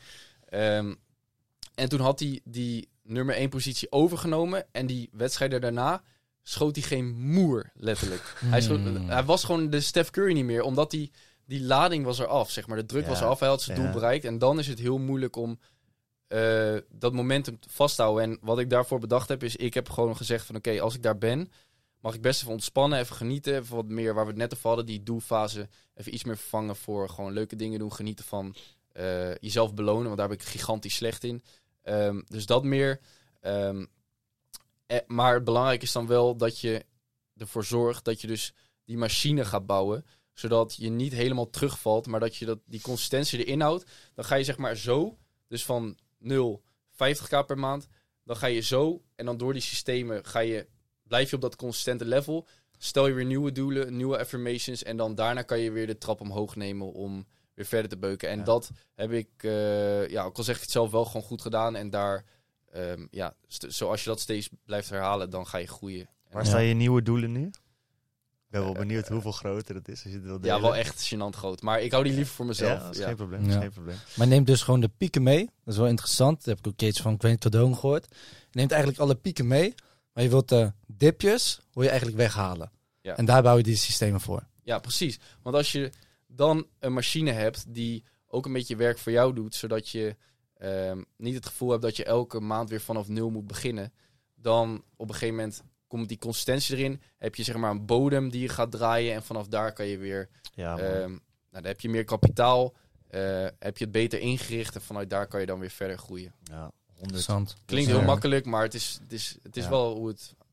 Ja. Het is ook, de oplossingen zijn meestal ook Ja. zo- Het is, wat het, is simpel. Nee, het nee, is nee, simpel. eenvoudig. Het is Ja, simpel. eenvoudig, Ja. niet makkelijk. Het is zijn niet twee makkelijk. hele andere dingen. Het Ja, is ja, ja. eenvoudig te implementeren, maar om er mentaal aan toe te komen, om het te durven, al die dingen. Het antwoord is simpel. Maar de weg is eh, Exact. niet makkelijk. Nee. I like it. Ja. Moeilijk kon je ook zeggen, maar je zei niet makkelijk, is beter. Positief. Ja, hey, sterk. We zijn sterk, optimistisch, hè? Zijn jullie ook zo optimistisch? Ik ben Hij is heel wel, optimistisch. ik, ja. ik kan wel echt een zeikluister zijn, man. Ja? Dat is echt, maar ja, man. Ik ben echt. eh, ik, ik heb wel echt veel moeten werken aan mijn mindset, man. Mijn mindset was echt best wel slecht. Zeker vroeger was ik wel echt. eh, als ik chagrijnig was, dan moest iedereen daar last van hebben en zo. Dat was onbewust. Was ik echt een zure guy soms. En waar sta je nu? Percentage? Nu, oeh, vergeleken met, als dat nul was, zeg Ja. maar, gewoon echt een lul. Denk ik in goede periode 70% ongeveer. En kan terugvallen naar denk ik 60 of zo, 55. Als ik echt een kut Dus je hebt, die, je hebt diezelfde basis heb je neergelegd. Ja, zeker man, zeker. Ik denk dat ik wel, eh, ik ben daar heel erg in gegroeid. Ja. En ook wat ik ook wel merk is dat ik eh, heel erg in, dat ik erop terugkom. Dus soms dat ik even heel zuur weer die stap neem, maar dat ik binnen 5 tot 10 minuten terugkom en zeg, oké, sorry. Ik was even in mijn fucked up fase. Weet je, ik weet dat dit soms nog opkomt. Ik ben bezig om het eruit te werken, man. Ja. Dus dat ja, wel. dat herkennen is als, dat sowieso al ja, man, daar begint het kwart. sowieso. Ja. 100%. Mhm. Maar laat het geen excuus zijn, want dat soort teringlijers heb je ook. Dat doe ik ook wel eens. Ja, ik geef toch toe. Ja. Ja, maar dat is niet een fucking oplossing. Nee. Dat is nog steeds tering irritant. Ja. Dus dat is wel iets eh, waar ik, ook- wat ik ook weer moest doormaken. Soort. Het zijn mentale spelletjes op een gegeven moment, hè? Die je met Ja, jezelf man. speelt. Van oké, je hebt het door dat je bijvoorbeeld negatief bent, of juist misschien juist te positief. Of misschien moet je juist wel eventjes eerlijk tegen jezelf zijn. Maar dan is het ook heel makkelijk om tegen jezelf te zeggen van ja, maar eh, ik, was, ik was ook gewoon eerlijk met mezelf. Of ik heb wel mijn best gedaan gedaan. Of ik dacht wel gewoon dat ik toch wel. Ik was ook wel een beetje optimistisch, toch? Ik heb wel sorry gezegd. Maar ja, hij was uiteindelijk toch niet helemaal blij. En dan wordt het wel. Ja, maar ja, Dat dat wordt is, mentaal. Oké, dat is dat een gek spelletje wat je mezelf kan spelen, Ja, man. ik moet merk dus juist dat spelletje minder spelen, want ik heb ADHD. En eh, als ik dat spelletje met mezelf ga spelen, bro, dan verlies ik mezelf in mijn gedachten en dan blijft de actie uit. Dus ik heb juist dat ik veel meer uit mijn gedachten, meer in mijn lichaam, Mm. gewoon gevoel en actie. En gewoon inzien. Uiteindelijk, bro, eh 90% van de gedachten die je hebt slaan nergens op. Nee. Het Nee, zijn nee, allemaal nee, nee. twijfels en random shit die je denkt, die niks bijdragen aan je dag of de voortgang. Dus die kun je gewoon opzij gooien en laten voor wat het is. Precies. Ja. Alleen de reactie is belangrijk. Precies. Dan- Ja, en ik, ik, ik heb dat echt. Ik heb dat een beetje. Ik ben wel een beetje raar daarin, maar ik heb echt dat. Ik ben altijd al echt super positief geweest, maar ik heb ook altijd echt een bijna raar grote visies en zo gehad. Van, gewoon waar ik heen wil en zo. En ik voel gewoon, gewoon vanuit mezelf dat ik heel veel in me heb, weet je wel. En dat, dat kan ook niemand anders me vertellen. Maar dat is best wel vreemd, zeg maar. Want ik zag bijvoorbeeld laatst die eh, eh, documentaire van eh, Kanye West. Ja, ja, ja. ik, dat ben ik. ja, letterlijk. Maar terwijl, dat, zeg maar, mensen die, eh, weet je, die denken, wat is dit voor mafkees? Maar ik Ja. weet niet, man. Ik heb dat altijd heel erg de positieve kant. Maar welke afleveringen allemaal? Eh, Wel het begin. man. Ja, de eerste Eh. twee, want daarna gaat het helemaal fout. ja, maar ehm, Ja, dat is, eh, hoe noemen ze dat ook weer? Eh bla bla optimism. Je hebt dat, eh sorry, ik ben even kwijt hoe dat eet, man. Maar eigenlijk een soort van achterlijk optimisme. Ja. Gewoon van, je bent alleen maar continu weer zo, alles kan, alles moet, iedereen Ja, is dat, overal toe in staat, let's fucking go. Ja. Gewoon, weet je wel, bek dicht en gaan. gewoon. ja, ook thuis bij mij thuis altijd. Dan eh, vertel ik weer mijn plannetjes en zo. En dan, eh, eh, ja, die, die, die is gek, joh. Dan komt Ja. hij weer, weet je wel. Die Jiske, Ja. weet je wel. Dus, Maar ik vind dat wel interessant, want wat je zegt, want oké, eh, we krijgen bijvoorbeeld geleerd toen we klein waren dat je bijvoorbeeld niet op een tafel mag staan.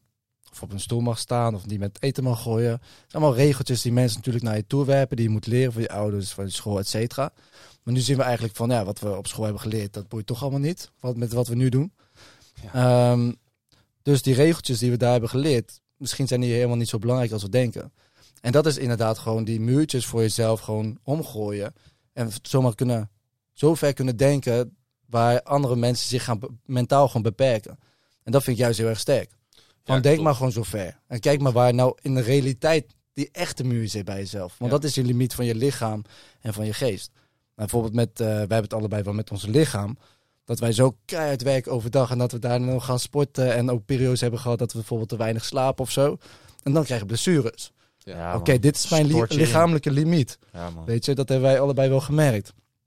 Maar ja, mentaal zit ik er nog helemaal niet. Ik weet dat ik nog verder kan pushen, nog verder kan pushen, nog verder kan pushen. Dus dan ben ik wel van, oké, daar zit voor mij nul limiet op nog. Ja, ik merk dus daar eigenlijk weer heel erg terugpakkend op wat jij zegt. Dat ik systemen moet gaan creëren. Dus ik ga heel veel eisen van mijn, van mijn brein, van mijn lichaam. Dus veel werken, hard werken, veel dingen willen doen. En dan op een gegeven moment merk ik ook, ik begin geïrriteerder te raken. Ik heb kortere... eh, eh, ik, ben, ik heb geen zin meer in gezeik. Dus mijn geduld wordt heel kort. Ja. Snap je? Iemand moet niet mijn tijd verspillen, want ik heb een focus, ik heb een fucking doel en anders Ja, back houden. ja. Maar daar word ik niet zo leuk van. Dus ik merk, oké, dus als ik mezelf nog verder wil pushen, zonder een ge- ongelofelijke lul te worden, moet ik meditatie weer een beetje gaan oppakken. Oké, ik moet dat elke dag doen. Dus zo creëer ik voor mezelf dan inderdaad systemen om dat verder te kunnen pushen. Dat merk Ja. jij denk ik ook wel. Ja, Want ik kan niet in één rechte lijn hem doorstrepen, want dan word ik helemaal lijp. Dan word ik waarschijnlijk een psychopaat. juist die Ja. kleine dingetjes, ja, mediteren, lezen. Lezen heeft echt grote invloed op mij. Periodes wanneer ik niet gelezen.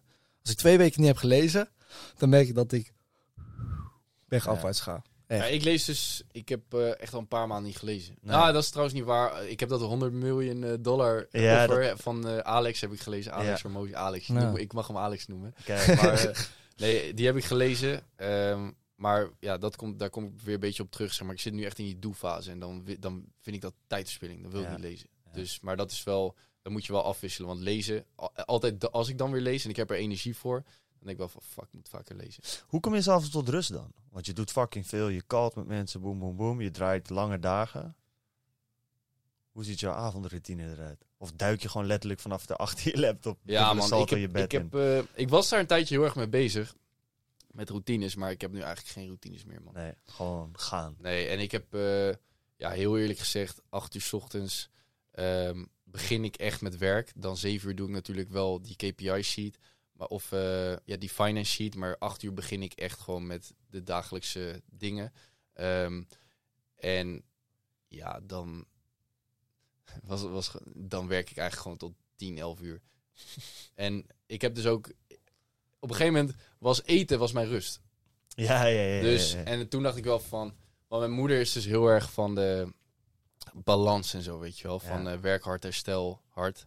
Mhm. Dat soort quotes. Eh, en ik, ik ja, pff, weet je wel. Maar ze heeft helemaal gelijk. Want Ja, als je dit te lang doet, dan wordt het wel gevaarlijk. Dus ja, ik moet nu... Ik ga dat, dus dat ga ik dus ook doen met mijn VA. Ik ga dus letterlijk gewoon blokken inplannen. Dat ik even tijd heb om te wandelen of zo. Want anders ga ik het gewoon niet doen. Zo man. simpel is het. Of dat, letterlijk blokken dat ik moet gaan eten. Ja, Ik luister, vergeet ook te ehm, eten, man, als ik hard werk. Heb je dat ook? Dat je dan de hele dag niet eet, omdat je alleen Ja. maar aan het werken bent? Ik heb dat ook, maar als ik alleen maar te werken ben, denk ik, ah, ik heb dat vandaag toevallig. Ik Ik heb, heb, ook geen kloten gegeten vandaag. ik moet nog avondeten. Het is fucking... ik heb net ook een bak Alpro gegeten. Nog even snel tussendoor toen we rondjes gingen lopen. Maar dat is eigenlijk... Ja, kan matig. niet. Nee, dat werkt echt Ja, maar we moeten ook zeggen, we nemen deze week ook drie podcasts op. Ja. Snap je? Het is allemaal niet echt ideaal Ja, eh, trouwens, wat er even, gebeurt. Even hele grote shout-out naar jullie, man. Ik, we hadden het er net even over, maar oprecht... eh, ik heb echt veel respect voor hoe jullie bezig zijn met de podcast. Gewoon, eh, het is leuk om te luisteren. Je ziet ook heel veel interactie en gewoon mensen die het echt tof vinden. En ja, gewoon... Ik zat hier iets meer dan een, eh, een dik jaar geleden. ja, man. Ik kwam er net binnen, alles was geswitcht, dat Ja. sowieso al. Maar gewoon ook de stappen die jullie hebben gemaakt, dat, daar wil ik even shout-out eh, voor Thanks, man. Thanks, Thanks. man.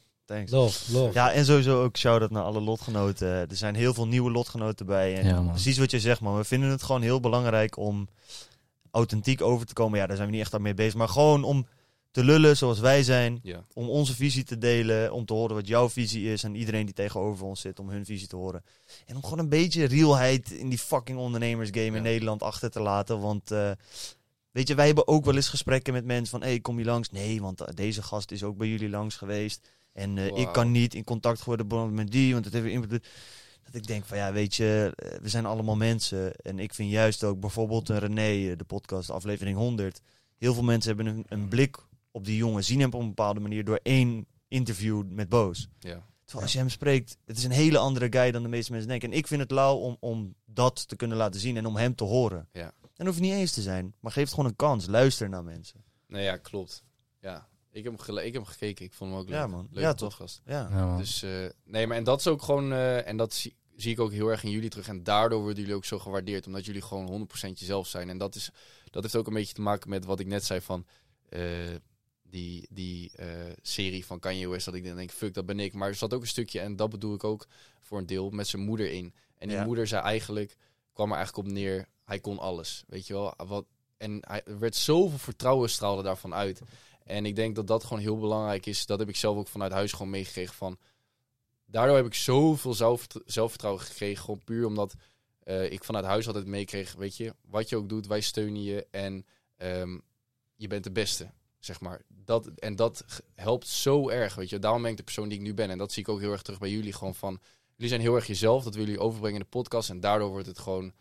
eh, daardoor is het zo'n succes. Omdat mensen dat zien, die waarderen dat, die willen langskomen. En je groeit, je groeit, je groeit. Ja, man. Ja, man. Ja, dat is, maar ik vind dat nog steeds, hebben Koen en ik daar wel eens gesprekken over. Van, ja, Afgelopen het- zaterdag. Het is eigenlijk het kutste talent dat je kan hebben. Mensen zeggen heel vaak tegen ons: Ja, jullie zijn gewoon, je weet toch, real. Ja. Ik, ik ben mezelf. Ja. Een soort van, Mm. Het voelt soort van als niet een skill. Het voelt als, in ieder geval in mij en in mijn kringen was het gewoon altijd shit. Als iemand de hele tijd fucking fake bezig was, werd je gewoon verwijderd uit de groep van bro. Ja. Wees gewoon jezelf, doe relaxed. En Want anders hoef je het niet te doen. En Dus ik vind het grappig dat wij door dat te doen dan, dat, dat mensen dat heel lauw vinden. En ik vind het tof. Ja. Maar ik hoop dat het ook gewoon de rest kan inspireren. Doe gewoon lekker fucking relaxed. Afgelopen zaterdag eh, ging ik even uit in Utrecht. Uiteindelijk eh landen we in zo'n eh patatzaak of zo. Shawarmazaak. Grimmig plekje. ik, ik ga er het neemt zitten. al geen tijd om te eten en dan gaat hij ook nog shawarma vreten in het weekend. Ja, toch. En ehm, ik ging op een gegeven moment zitten.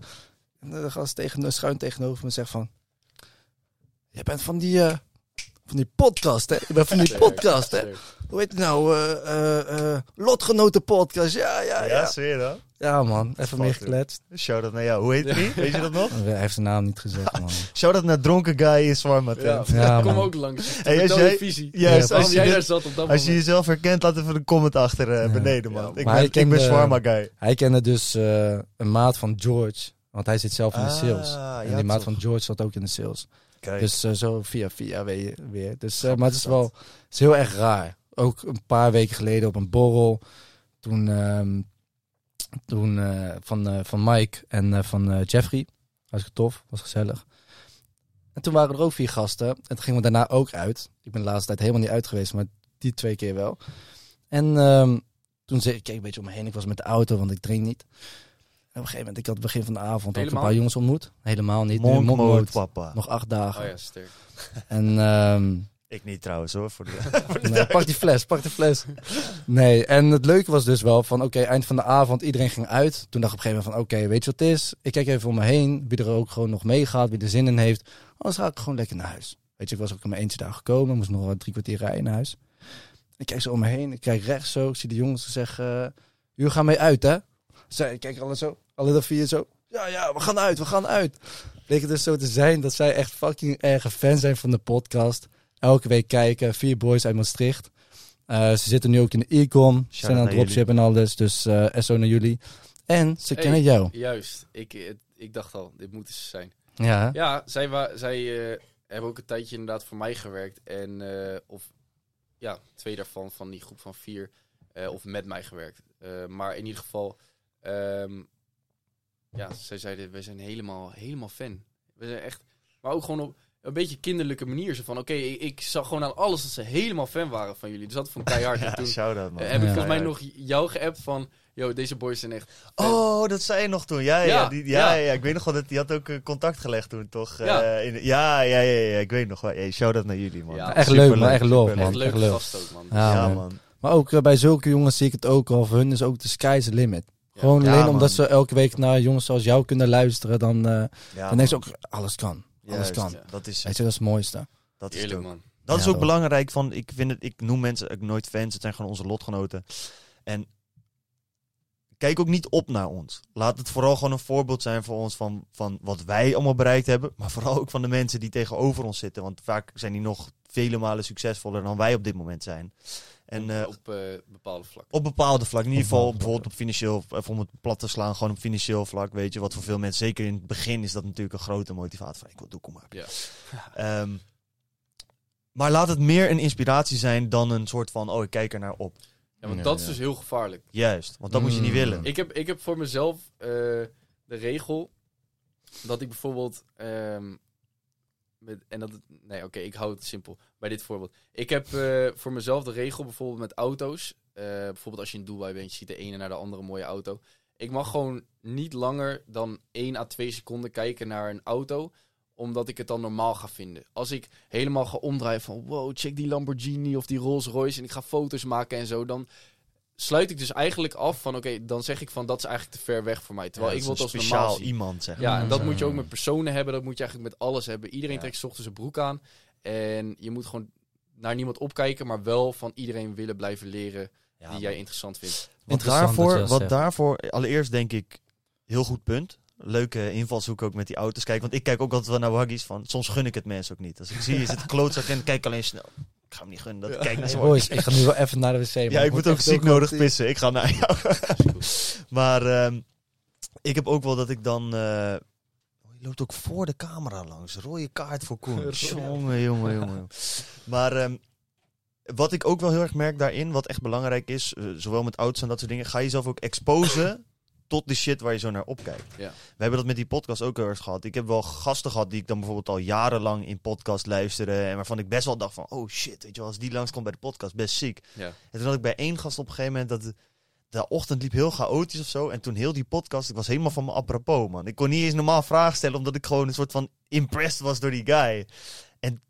En toen dacht ik wel van, en nu steeds vaker zie ik die mensen en merk ik ook van, ja, ik ben nu niet echt, nooit echt meer echt impressed door de gast. Het is meer gewoon echt interesse. Ja. Dus als je dat met auto's heel erg hebt, weet je, ga een auto huren, ga naar een fucking dealer. Zorg dat je de persoon wordt die in dat ding zit, want dan ga je gewoon merken van, oké, het is helemaal niet zo lijp. de meest normale mensen zitten hierin. Ik moet gewoon het werk erin stoppen en knallen. En dan Juist. ga je dat halen. Ja, man. Doe je dat soort dingen ook? Ehm, nee, nog. Ja, op een andere manier. Ik ga bijvoorbeeld niet. Eh, ik heb bijvoorbeeld nog niet eh, eh, dat ik een zo'n auto gehuurd heb, bijvoorbeeld in Dubai, of dat ik naar een Rolex store ben geweest om die Rolex om te doen. Ehm, maar ik heb het wel met andere dingen, gewoon dat ik interesses heb, of dat ik bijvoorbeeld, ja, gewoon meer met personen heb ik het. Dat ik denk van, oké, weet je, als je ziet hoe snel het nu gegaan is, weet je, dan kan in principe alles. Ja, man. Ehm, dus zo heb ik het meer, maar niet qua, niet materialistisch nog niet echt. Dat hebben wij ook. Dat heb ik echt ook heel erg met de podcast. Van, bro, als wij in deze twee jaar de mensen voor ons hebben gehad die wij nu voor ons hebben gehad. Ja, dan gaat een Gary Vee en een, en een Richard Branson. En noem het maar op. Gewoon de lijpste mensen gaan we ook gewoon spreken. Ja. Nu zeg het wel 100%. hardop, hè? Ja, Ik ga wel nu even snel belofte. pissen. ja lekker. Binnen tien jaar, binnen vijf jaar. Nee, maar bijvoorbeeld een Gary Vee moet een keer lukken. Ik zweer het, als je nu gewoon op zou bellen en zegt... Oké, ik heb eh voor een interview doen van 14 minuten. Dan moet het lukken, man. Ja, Dat is de 100 vraag. 100% Als jullie gewoon blijven pushen, gaan die mensen gewoon ook eh langskomen hier in die fucking bunker. Hé. Lekker, eh, lekker met Gary Vee hier. Ja, ja, ja, ja. Maar dat is wel zo. Ik denk wel, op een gegeven moment lijkt me ook wel vet om met de podcast te doen. Om ook eh, letterlijk gewoon een, een seizoen te doen of zo. Dat je inderdaad internationaal gaat. Ja. Dat je gewoon langs verschillende plekken gaat. Jou en ik hebben het ook wel vaker over gehad. Van ja, kijk, ik vind het heel... Kijk, ik heb geen vriendin. Nee. Ik heb geen vriendin. En het enige wat me dus nog in Nederland houdt, is eigenlijk, oké, natuurlijk is voor je business is het soms wel handig, maar verder ook de podcast. Iedere vrijdag nemen we gewoon die podcast op, toch? Ja. En nu soms wel eens wat vaker. Ehm, maar ja, als je dus niks hoeft op te nemen, ehm, of je kan dus de podcast meenemen, dan kan je ook gewoon naar andere locaties gaan, man. Ja. En dat is nu wel iets wat, eh, Je kan, je kan Ja. die podcast sowieso meenemen. Ja. Dat zijn weer allemaal die muurtjes waar we het over hebben. Van, waarvan je Het denkt het van... zit tussen hmm, oren, omdat, omdat we het nu al twee jaar hebben gedaan of zo. Gewoon altijd op één locatie, denk ik, man. Ja, hij moet daar blijven, maar hoeft niet. Nee. Ja, want jij, eh, kijk, jij bent ook een paar keer op vakantie gegaan. Ja. Hoeveel? Oké, dan ben ik wel benieuwd. Nou, ik ben ook alweer twee jaar niet op vakantie geweest, hè.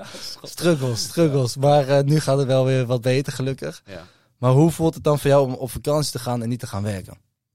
dat heb ik dus niet gedaan. Je bent gewoon blijven werken. Ja. Want ik zou dat dus ook echt niet meer kunnen, denk ik. Gewoon stoppen, echt helemaal stoppen met werk voor een week Ik lang heb of zo. eh, afgelopen tijd, dus zeg maar toen een beetje de, eh, het, gast, zeg maar het gas van het eh, pedaal was, zeg Nee, maar. ja, ja. Ehm, toen heb ik dat wel gedaan. Dus ik ben op windsport gegaan. Ehm, daar heb ik gewoon gezegd tegen mijn team van oké, ik check twee keer per dag even mijn Slack. Maar dat is ook het enige wat ik doe. Ehm sales calls even voor een eh, weekje even uitbesteed. Want die doe ik in principe eh, nog zelf. En daar heb ik wel echt ontspannen. Maar dan is het wel weer lijp. Want ik heb... eh, en dat was ook wind, wintersport. Dus daar word je sowieso wel moe van. Omdat het gewoon actief is. Maar ik, eh, als ik thuis kwam in de middag van het snowboarden... viel ik gewoon als een blok in slaap. Dus dan Hmm. weet je eigenlijk wel... dat die balans, die is er te weinig. Dus dat, daar kwam ik wel heel erg achter. Voor hetzelfde wat ik jullie net vertelde. Ik was met mijn vriendin voor haar verjaardag. Had ik eh weekje Valencia had ik geboekt. Nou, echt... Wat jij zegt, twee jaar niet meer echt op vakantie gaan. Ik dacht, daar ga ik ook gewoon even wat minder doen. Even genieten met het vrouwtje. En uiteindelijk was ik daar dus ziek de hele week. Maar dat, kijk, het kwam. Ik was gewoon ook echt ziek. Dus ik had gewoon koorts, et cetera. Maar dat komt ook gewoon omdat je geen balans hebt in wat je doet. Dus dat was wel een soort van. eventjes een besefmomentje van: oké, als je echt ziek bent, dan besef je hoe bijzonder het eigenlijk altijd weer is. Dat je vol energie zit, kan ondernemen, kan doen wat je wil. Mhm. En toen dacht ik wel van oké, ik ga vanaf nu elke zondag alleen de nieuwe week voorbereiden, maar niet meer werken. Want ehm, ja, an- ja, het was. Ik, ehm, ik wil het niet, maar ik ga het toch doen omdat ik gewoon het moet. Ja. Ja. Voor de long term. Kijk, ik merkte daarin wel van... Kijk, natuurlijk is het goed om inderdaad vrij te nemen. Maar ik merk bijvoorbeeld ook aan Jaro... of toen ik ook in deze... Door corona, ik ben twee keer gepakt door corona. Normaal ben ik nooit ziek. En ehm, ook één keer echt hoogcoach en zo. Ook nog niet, echt lang niet meer gehad, zolang me, niet kan, zolang ik me kan herinneren. Ja. Ik ben de enige die nog gewoon steady staat zonder Precies. corona. Ik wil niet stoer doen, maar... eh, Ja, maar het mooie is dan dat ik wel merk aan mezelf van... Shit man, ik werkte gewoon fully. En ik dacht van oké, wat nou als ik straks ook wel gewoon goed kan werken? Dan ga je het ook weer waarderen dat je zo goed kan werken, man. Ja. En toen ging ik ook kijken van, oké, ik kan dan werken, maar hoe ga ik mijn tijd dan beter benutten? Want dat is allemaal wel leuk en aardig dat we 80 uur in de week kunnen werken. Dat kan iedereen eigenlijk op zich. Ja. Maar wat doe je dan precies in die 80 uur? En toen dacht ik wel van, oké, bijvoorbeeld Jou heeft ook bijvoorbeeld minder tijd. Maar als hij er is, dan gebruikt hij zijn uren heel erg efficiënt. Dat is één ding wat ik van hem echt heb geleerd. Toen wij voor het eerst een kantoor namen, toen was hij was heel erg ADHD'er. Zonder planning ging hij gewoon rammen. En ik was altijd heel erg een beetje gestructureerd. Want ik had dat echt nodig, anders zou ik echt helemaal niks kunnen. Maar hij ramde op een gegeven moment echt door. Dus ik van hem leerde ik gewoon door van oké, als ik een taak af heb, ga ik niet even chillen. Dan ga ik gelijk door aan mijn volgende taak. En mijn volgende taak, en volgende taak, en volgende taak. En dat is iets wel wat ik heb gewaardeerd, man, daaraan. Ja, ik kan echt een psychopaat zijn, man. Maar ik heb twee kanten. Als ik geen zin heb in iets, kan ik teringlui zijn en echt zoveel moeite hebben om te starten. Maar ik kan ook hebben, man, eh, als ik ergens induik, dan kan ik gewoon vijf uur achter elkaar gewoon Mhm. Non-stop gaan. Gewoon in een soort van tunnel gaan. Ja. Dat is... eh, Maar dat moet je echt ontwikkelen, man. Dat moet je ook ontwikkelen. Als je dat nooit doet. Ja, Weet je hoe moeilijk dat is? Ja, Als je dag ja, op je telefoon 100%. Netflix zit te kijken en dan ga je in één keer werken. Ja, je moet ook voor jezelf weten. Kijk, ik bijvoorbeeld nu. Kijk, ik werk vier dagen in de week. Vandaag ook. Ik was om acht uur op kantoor. Mhm. En ik zit daar tot vijf. En ik word er geleefd, hè. Dus dan ben ik alleen maar... Ik Ja. heb fucking acht klanten onder beheer. En eh, mailtjes komen de hele fucking dag binnen. Teringdruk kantoor. Dus ik kan ook niet mijn focusuur pakken. Het is gewoon alleen maar impressies de hele fucking tijd. Daarna moet ik mezelf een soort van resetten.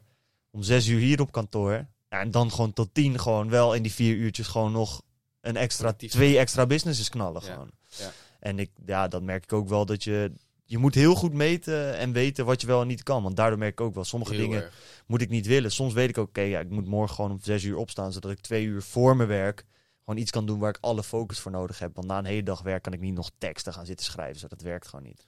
Nee, man. En eh, dat zijn ook dingen waar je voor jezelf gewoon achter moet komen. Want ik had bijvoorbeeld een tijdje dat ik... eh, nou, om zes uur was ik dan gewoon aan het werk.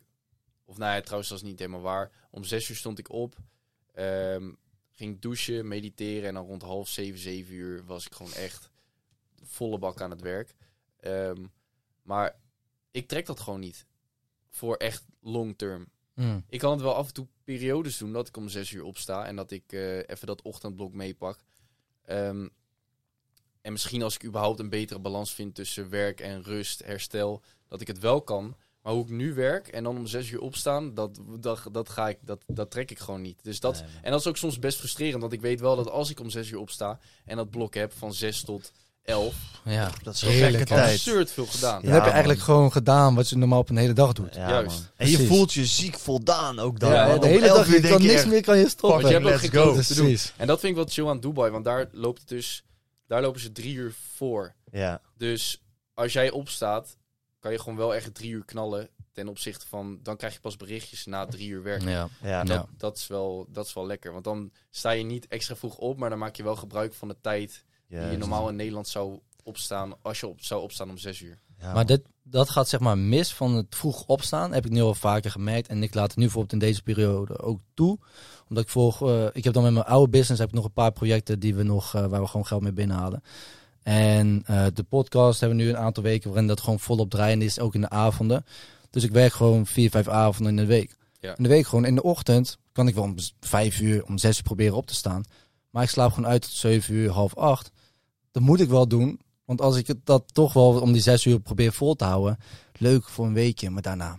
Ik vind dit je ook heerlijk, hè. 15, 16-jarige jaren wat moet hier moeten zien zitten. Ik slaap uit tot eh 7 uur, half 8. Hij zou me echt stompen geven. Ik Weet je hoe fucking vroeg ik dat vroeger vond? Nu vind ik 8 uur opstaan, vind ik echt vakantie gewoon. Ja, man. 8 uur Ja, opstaan man. is gewoon chillen. Kun je dat echt mooi dat veranderd is Heerlijk, over hè? tijd? Is Ik vind dat zeg maar fokt op. Als ik om acht uur opsta, heb ik een soort van gevoel dat ik al de hele dag achterloop. Ja, ik heb het ook met Ik zuipen nu. erg. Ik, ik kan het dus ook niet. Ik was bijvoorbeeld afgelopen weekend, zaterdag, was ik tot half vijf of zo wakker. Sloeg helemaal nergens op. Dan ga ik tukken. Ja, ik word gewoon negen uur wakker. Dan heeft mijn lichaam gewoon zoiets van, ja joh, het is licht. Begin iets te doen. En dan, dan kan ik ook gewoon echt niet meer slapen. Nee, maar ik, ik merk ook. eh, ik was afgelopen weken toevallig, afgelopen maand was ik een paar keer was ik even uit. En ik merk gewoon ook dat, dat ik doe het gewoon niet heel graag meer. Omdat ik gewoon merk, prioriteiten zijn ge, hebben een shift gekregen. En ik weet gewoon, want ik val dan ook terug in mijn oude gewoontes. Want als ik ga stappen met mijn vrienden, dan komt weer die, zeg maar, die liter fles wodka op tafel. En die gaat er gewoon op voordat we überhaupt in de club zijn. Dus zeg maar, eh, niet, ik ben geen alcoholist verder. Maar gewoon, zeg maar, dat zijn dan die oude gewoontes die dan terugkomen, weet je wel. En dat is gewoon, dat trek ik gewoon nu niet meer met hoe Nee, hard man. ik werk. Dus Heeft Ja. ook impact op de hele Mhm. fucking volgende week. ja. Maandag, als ik zaterdag helemaal de tering ga, dan ben ik maandag sowieso niet op 100. Nee, nou ja, sterker nog, ik eh, kan dat volume niet meer aan, dus ik kots alles eruit. En dan vervolgens eh, Ja, want ben je ik bent- een week ziek. Precies, want je bent ook weer moe. Dus je hebt gewoon keihard gewerkt. Dus je hebt ook maar een beetje alcohol nodig om Ja, gewoon man. weer... Maar daarom vind ik monk mode gewoon chill. Voor mij nu. Want de afgelopen periode, want ik ben nu een paar keer uitgegaan. Met mijn vrienden heb ik ook gewoon vaak gechilled. Eh, nou, wel een stuk minder dan normaal. Maar gewoon af en toe op een vrijdag of af en toe op een zaterdag. Ehm, en als ik gewoon zou gaan smoken of ik zou gaan drinken... dan had mijn afgelopen 50 dagen echt anders eruit gezien Ja, was ik veel minder productief geweest. Echt veel Ah, minder. En nu ben ik misschien wel even laat naar bed gegaan. Maar ik was de volgende dag gewoon veel fitter. Ja. Ik merk ook dat ik ook wel een soort van... Het is ook best wel relaxed om nuchter te zijn. Ook al is iedereen lam of iedereen stoned of zo. Het is nog steeds best wel gewoon... Je bent nog steeds met je maat. Je bent gewoon aan het chillen. Dus Ja. ik merk ook, het is ergens ook best wel prima, man. Soms heb ik dat omdat ik nog een sigaretje rook. Omdat ik dan nog een soort van iets doe. Maar denk van, dan Ja. ben ik morgen niet helemaal naar de kloten. Nee. En eigenlijk elke keer denk ik van, ja, heb ik het nou dronken vorige keer leuker gehad dan nu nuchter? Ja, ook niet per se. Nee, maar dat is toch iets waar je aan moet wennen. Want voor mijn monk mode was ik sinds mijn zestiende... sowieso elke keer als ik uit zou gaan, was ik dronken. Mhm. Of stoned. Een van de twee. Of, Altijd. Of allebei. Of allebei. Ook va- vaak nog allebei. In het begin ging dat wel vaak fout. Op een gegeven moment leer je dat wel. Dan kun je de resistentie opbouwen. Maar ehm, echt gewoon tot zeg maar twee maanden geleden was dat gewoon mijn standaard routine of zo. Weet je, en het was ook wel gewoon normaal om dan gewoon af en toe een sigaretje te doen of gewoon te gaan drinken en zo. Maar nu, voor het eerst eigenlijk ben ik erachter gekomen dat het gewoon echt chill is om gewoon lekker te kunnen rijden wanneer je wilt. Niet Gewoon te die, drinken. die energie die je ervaart, dat heb ik ook echt door dat ziek zijn weer even beseft van... Die energie die je hebt op dagelijkse basis van, om dingen gedaan te krijgen en waar je mee opstaat. Als je daar, als je dat raak je gewoon even kwijt door of alcohol, maar ook door ziek zijn.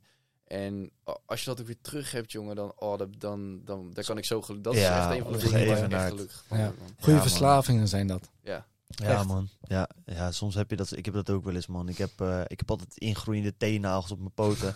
Kan ik gewoon drie. Genieten, genieten. Ja, nee, dan kan ik drie, vier dagen gewoon loop ik helemaal kut. Weet je hoe fucking blij ik ben als die teen het weer goed doet? Ja, gewoon man. die shit is echt ding. Gewoon, Ja. gewoon dat contrast is echt top. ja, heerlijk man. Ja, man, het is goed om. eh, ik heb ook het idee dat het ja. leven op een gegeven moment op een bepaalde manier ook gewoon een soort van een stok in je spaak gaat steken om jou een soort van dankbaar te laten zijn. Als je een soort van te complacent bent en gewoon even alles gaat goed, ja toch, dat is een soort van, oké, wees maar gewoon een week ziek. Ja, Oké, dan ga je nog tof doen? Nee, precies. Dit is lauw, hè, om gewoon Ja. normaal te kunnen leven. ja, Mm. 100%. Ja, Ja, man. man. Ja, man. Hey Jisk, we zijn nog niet heel diep ingegaan op, nou eigenlijk al best wel een end, maar nog één keer voor iedereen die dit nou luistert, die denkt, hey Jisk, lauwe guy, ik ben bezig met, ik heb een brand, eh, ik wil beginnen met online business, ik wil gaan dropshippen, ik heb een dropshipping store en Facebook pleurt me de hele tijd uit.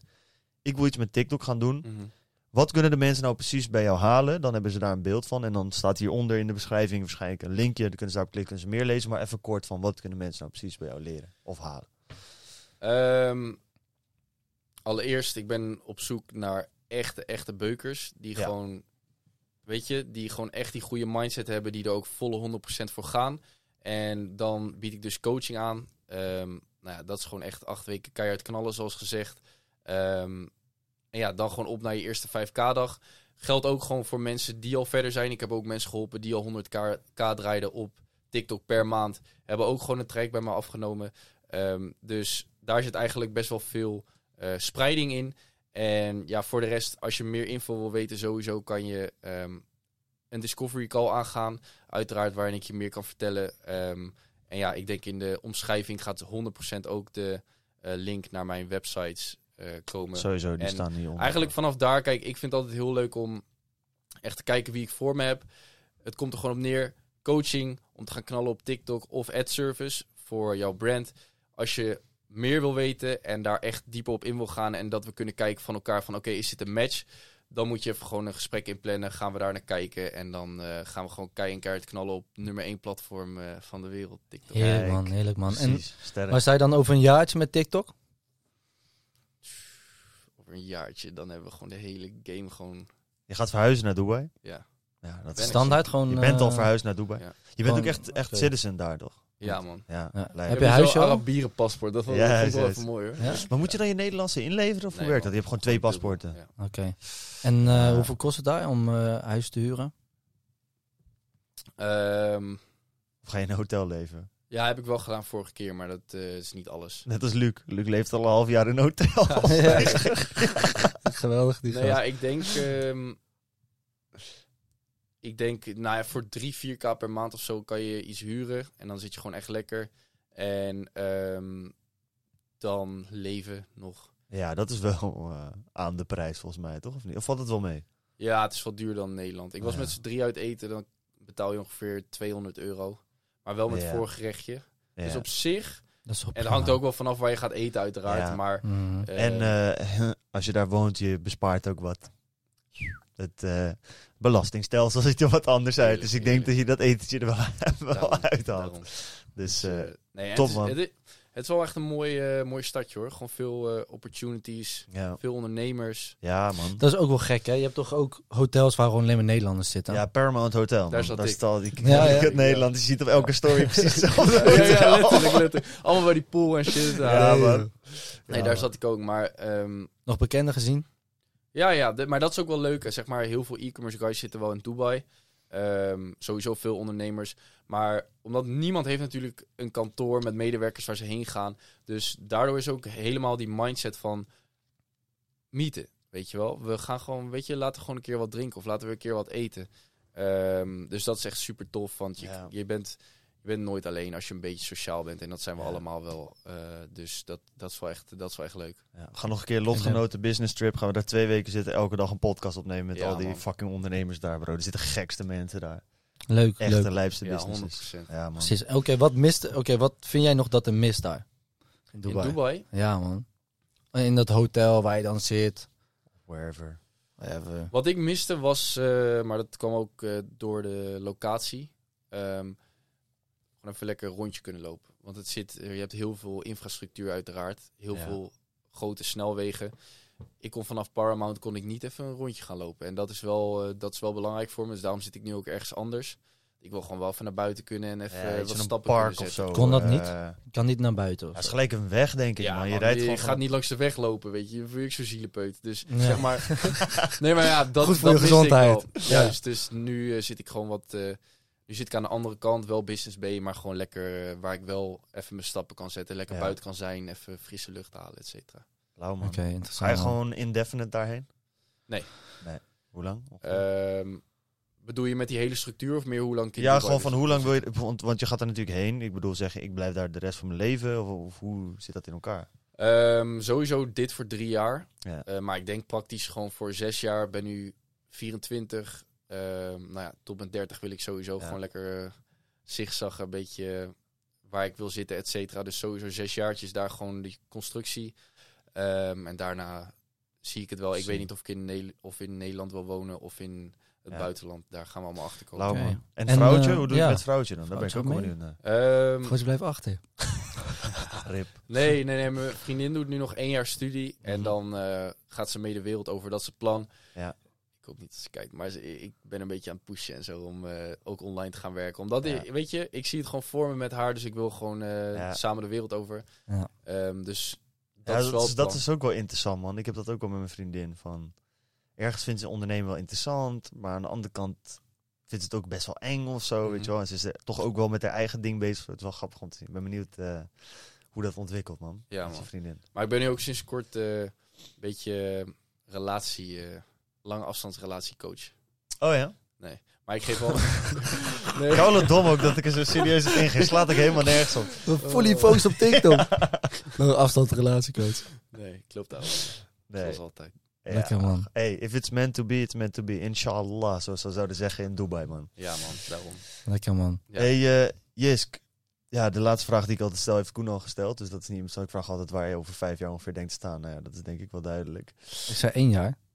Ja, is het heel anders met vijf jaar? Zeg je over vijf jaar, dan is het allemaal heel anders. Imperium, bro. Ja, dat ben ik wel. Wat is Dan nou je je- nummer één doel op de lange termijn? Zeg maar een soort van iets waarvan je zegt van die shit, dat wil ik echt graag behalen. Vanuit je onderneming. Zeg maar van, oké, je onderneming gaat gewoon echt helemaal prima.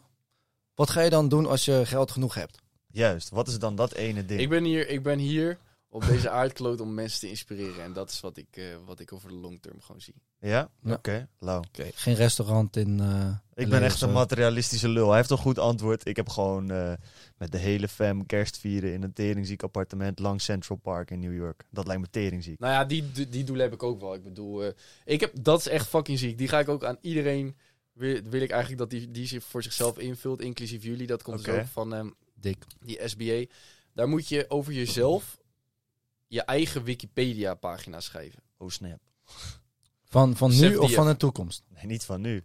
Van de toekomst. Je hele visie gaat dus op dat Mm. ene blaadje staan. En die kan je wel aanpassen, maar ik heb dus gewoon mijn eigen Wikipedia-pagina over mezelf geschreven. Heb je hem ook gesubmit? Hoe bedoel je? Gewoon Nee, nee, nee. Mijn broertje heeft dat een keer gedaan, was hij keihard afgekeurd. Allemaal nonsens verkocht en zo, tering grappig. Ik lach daar nog steeds eh, om de dag van vandaag. Maar ehm, ehm, nee, dat is wel vet, man. Ik heb daar ondertussen, o- onder andere, die is wel leuk om te vertellen, mijn een private plane met mijn eh, naam van mijn LLP. ehm, en nog gewoon gekke penthouses, onder andere in, in New York. Ik wil een eh ski chalet in Zwitserland en ik wil eh, in Kaapstad, een, langs Camps Bay, zo daar die, die kustlijn. Rijkste gedeelte van Zuid-Afrika, gewoon een prachtige villa. Lekker man. Ja. Hey, Pik, we hebben al een locatie voor Zwitserland, New York en eh, Kaapstad. Dus dat... eh, Marbella hebben we ook... eh, Marbella hebben we ook Als zit we zo doorgaan, dan hebben we straks over de hele wereld. Trippies, hoor. Kunnen we elk jaar een toertje doen met alle Lotgenoten on tour gewoon. En dan gaan we in plaats van dat mensen naar ons komen, gaan we bij iedereen langs op de plek waar ze dan zitten. Dat gaat wel gebeuren, man. Dat kan letterlijk, ja, tv heb je niet zoveel meer aan, maar dat kan letterlijk een serie Een worden. YouTube-serie, bro. Ja, YouTube man. is the fucking place to Ja. be. Tegen die Ja, tijd hebben we toch waarschijnlijk 200k op YouTube. En dan, eh, Dan moet hij Makkelijk. lotgenoten on tour, dat is letterlijk een ja, nieuwe... dat is tering goed. Dat Ja, komt. man, leuk. Ja, Dat komt sowieso. Ja, Jisk, bro. Heel erg bedankt voor je tijd. Jullie Waar kunnen bedankt. mensen jou vinden op Instagram? Jisk Hoogeboom. Yes.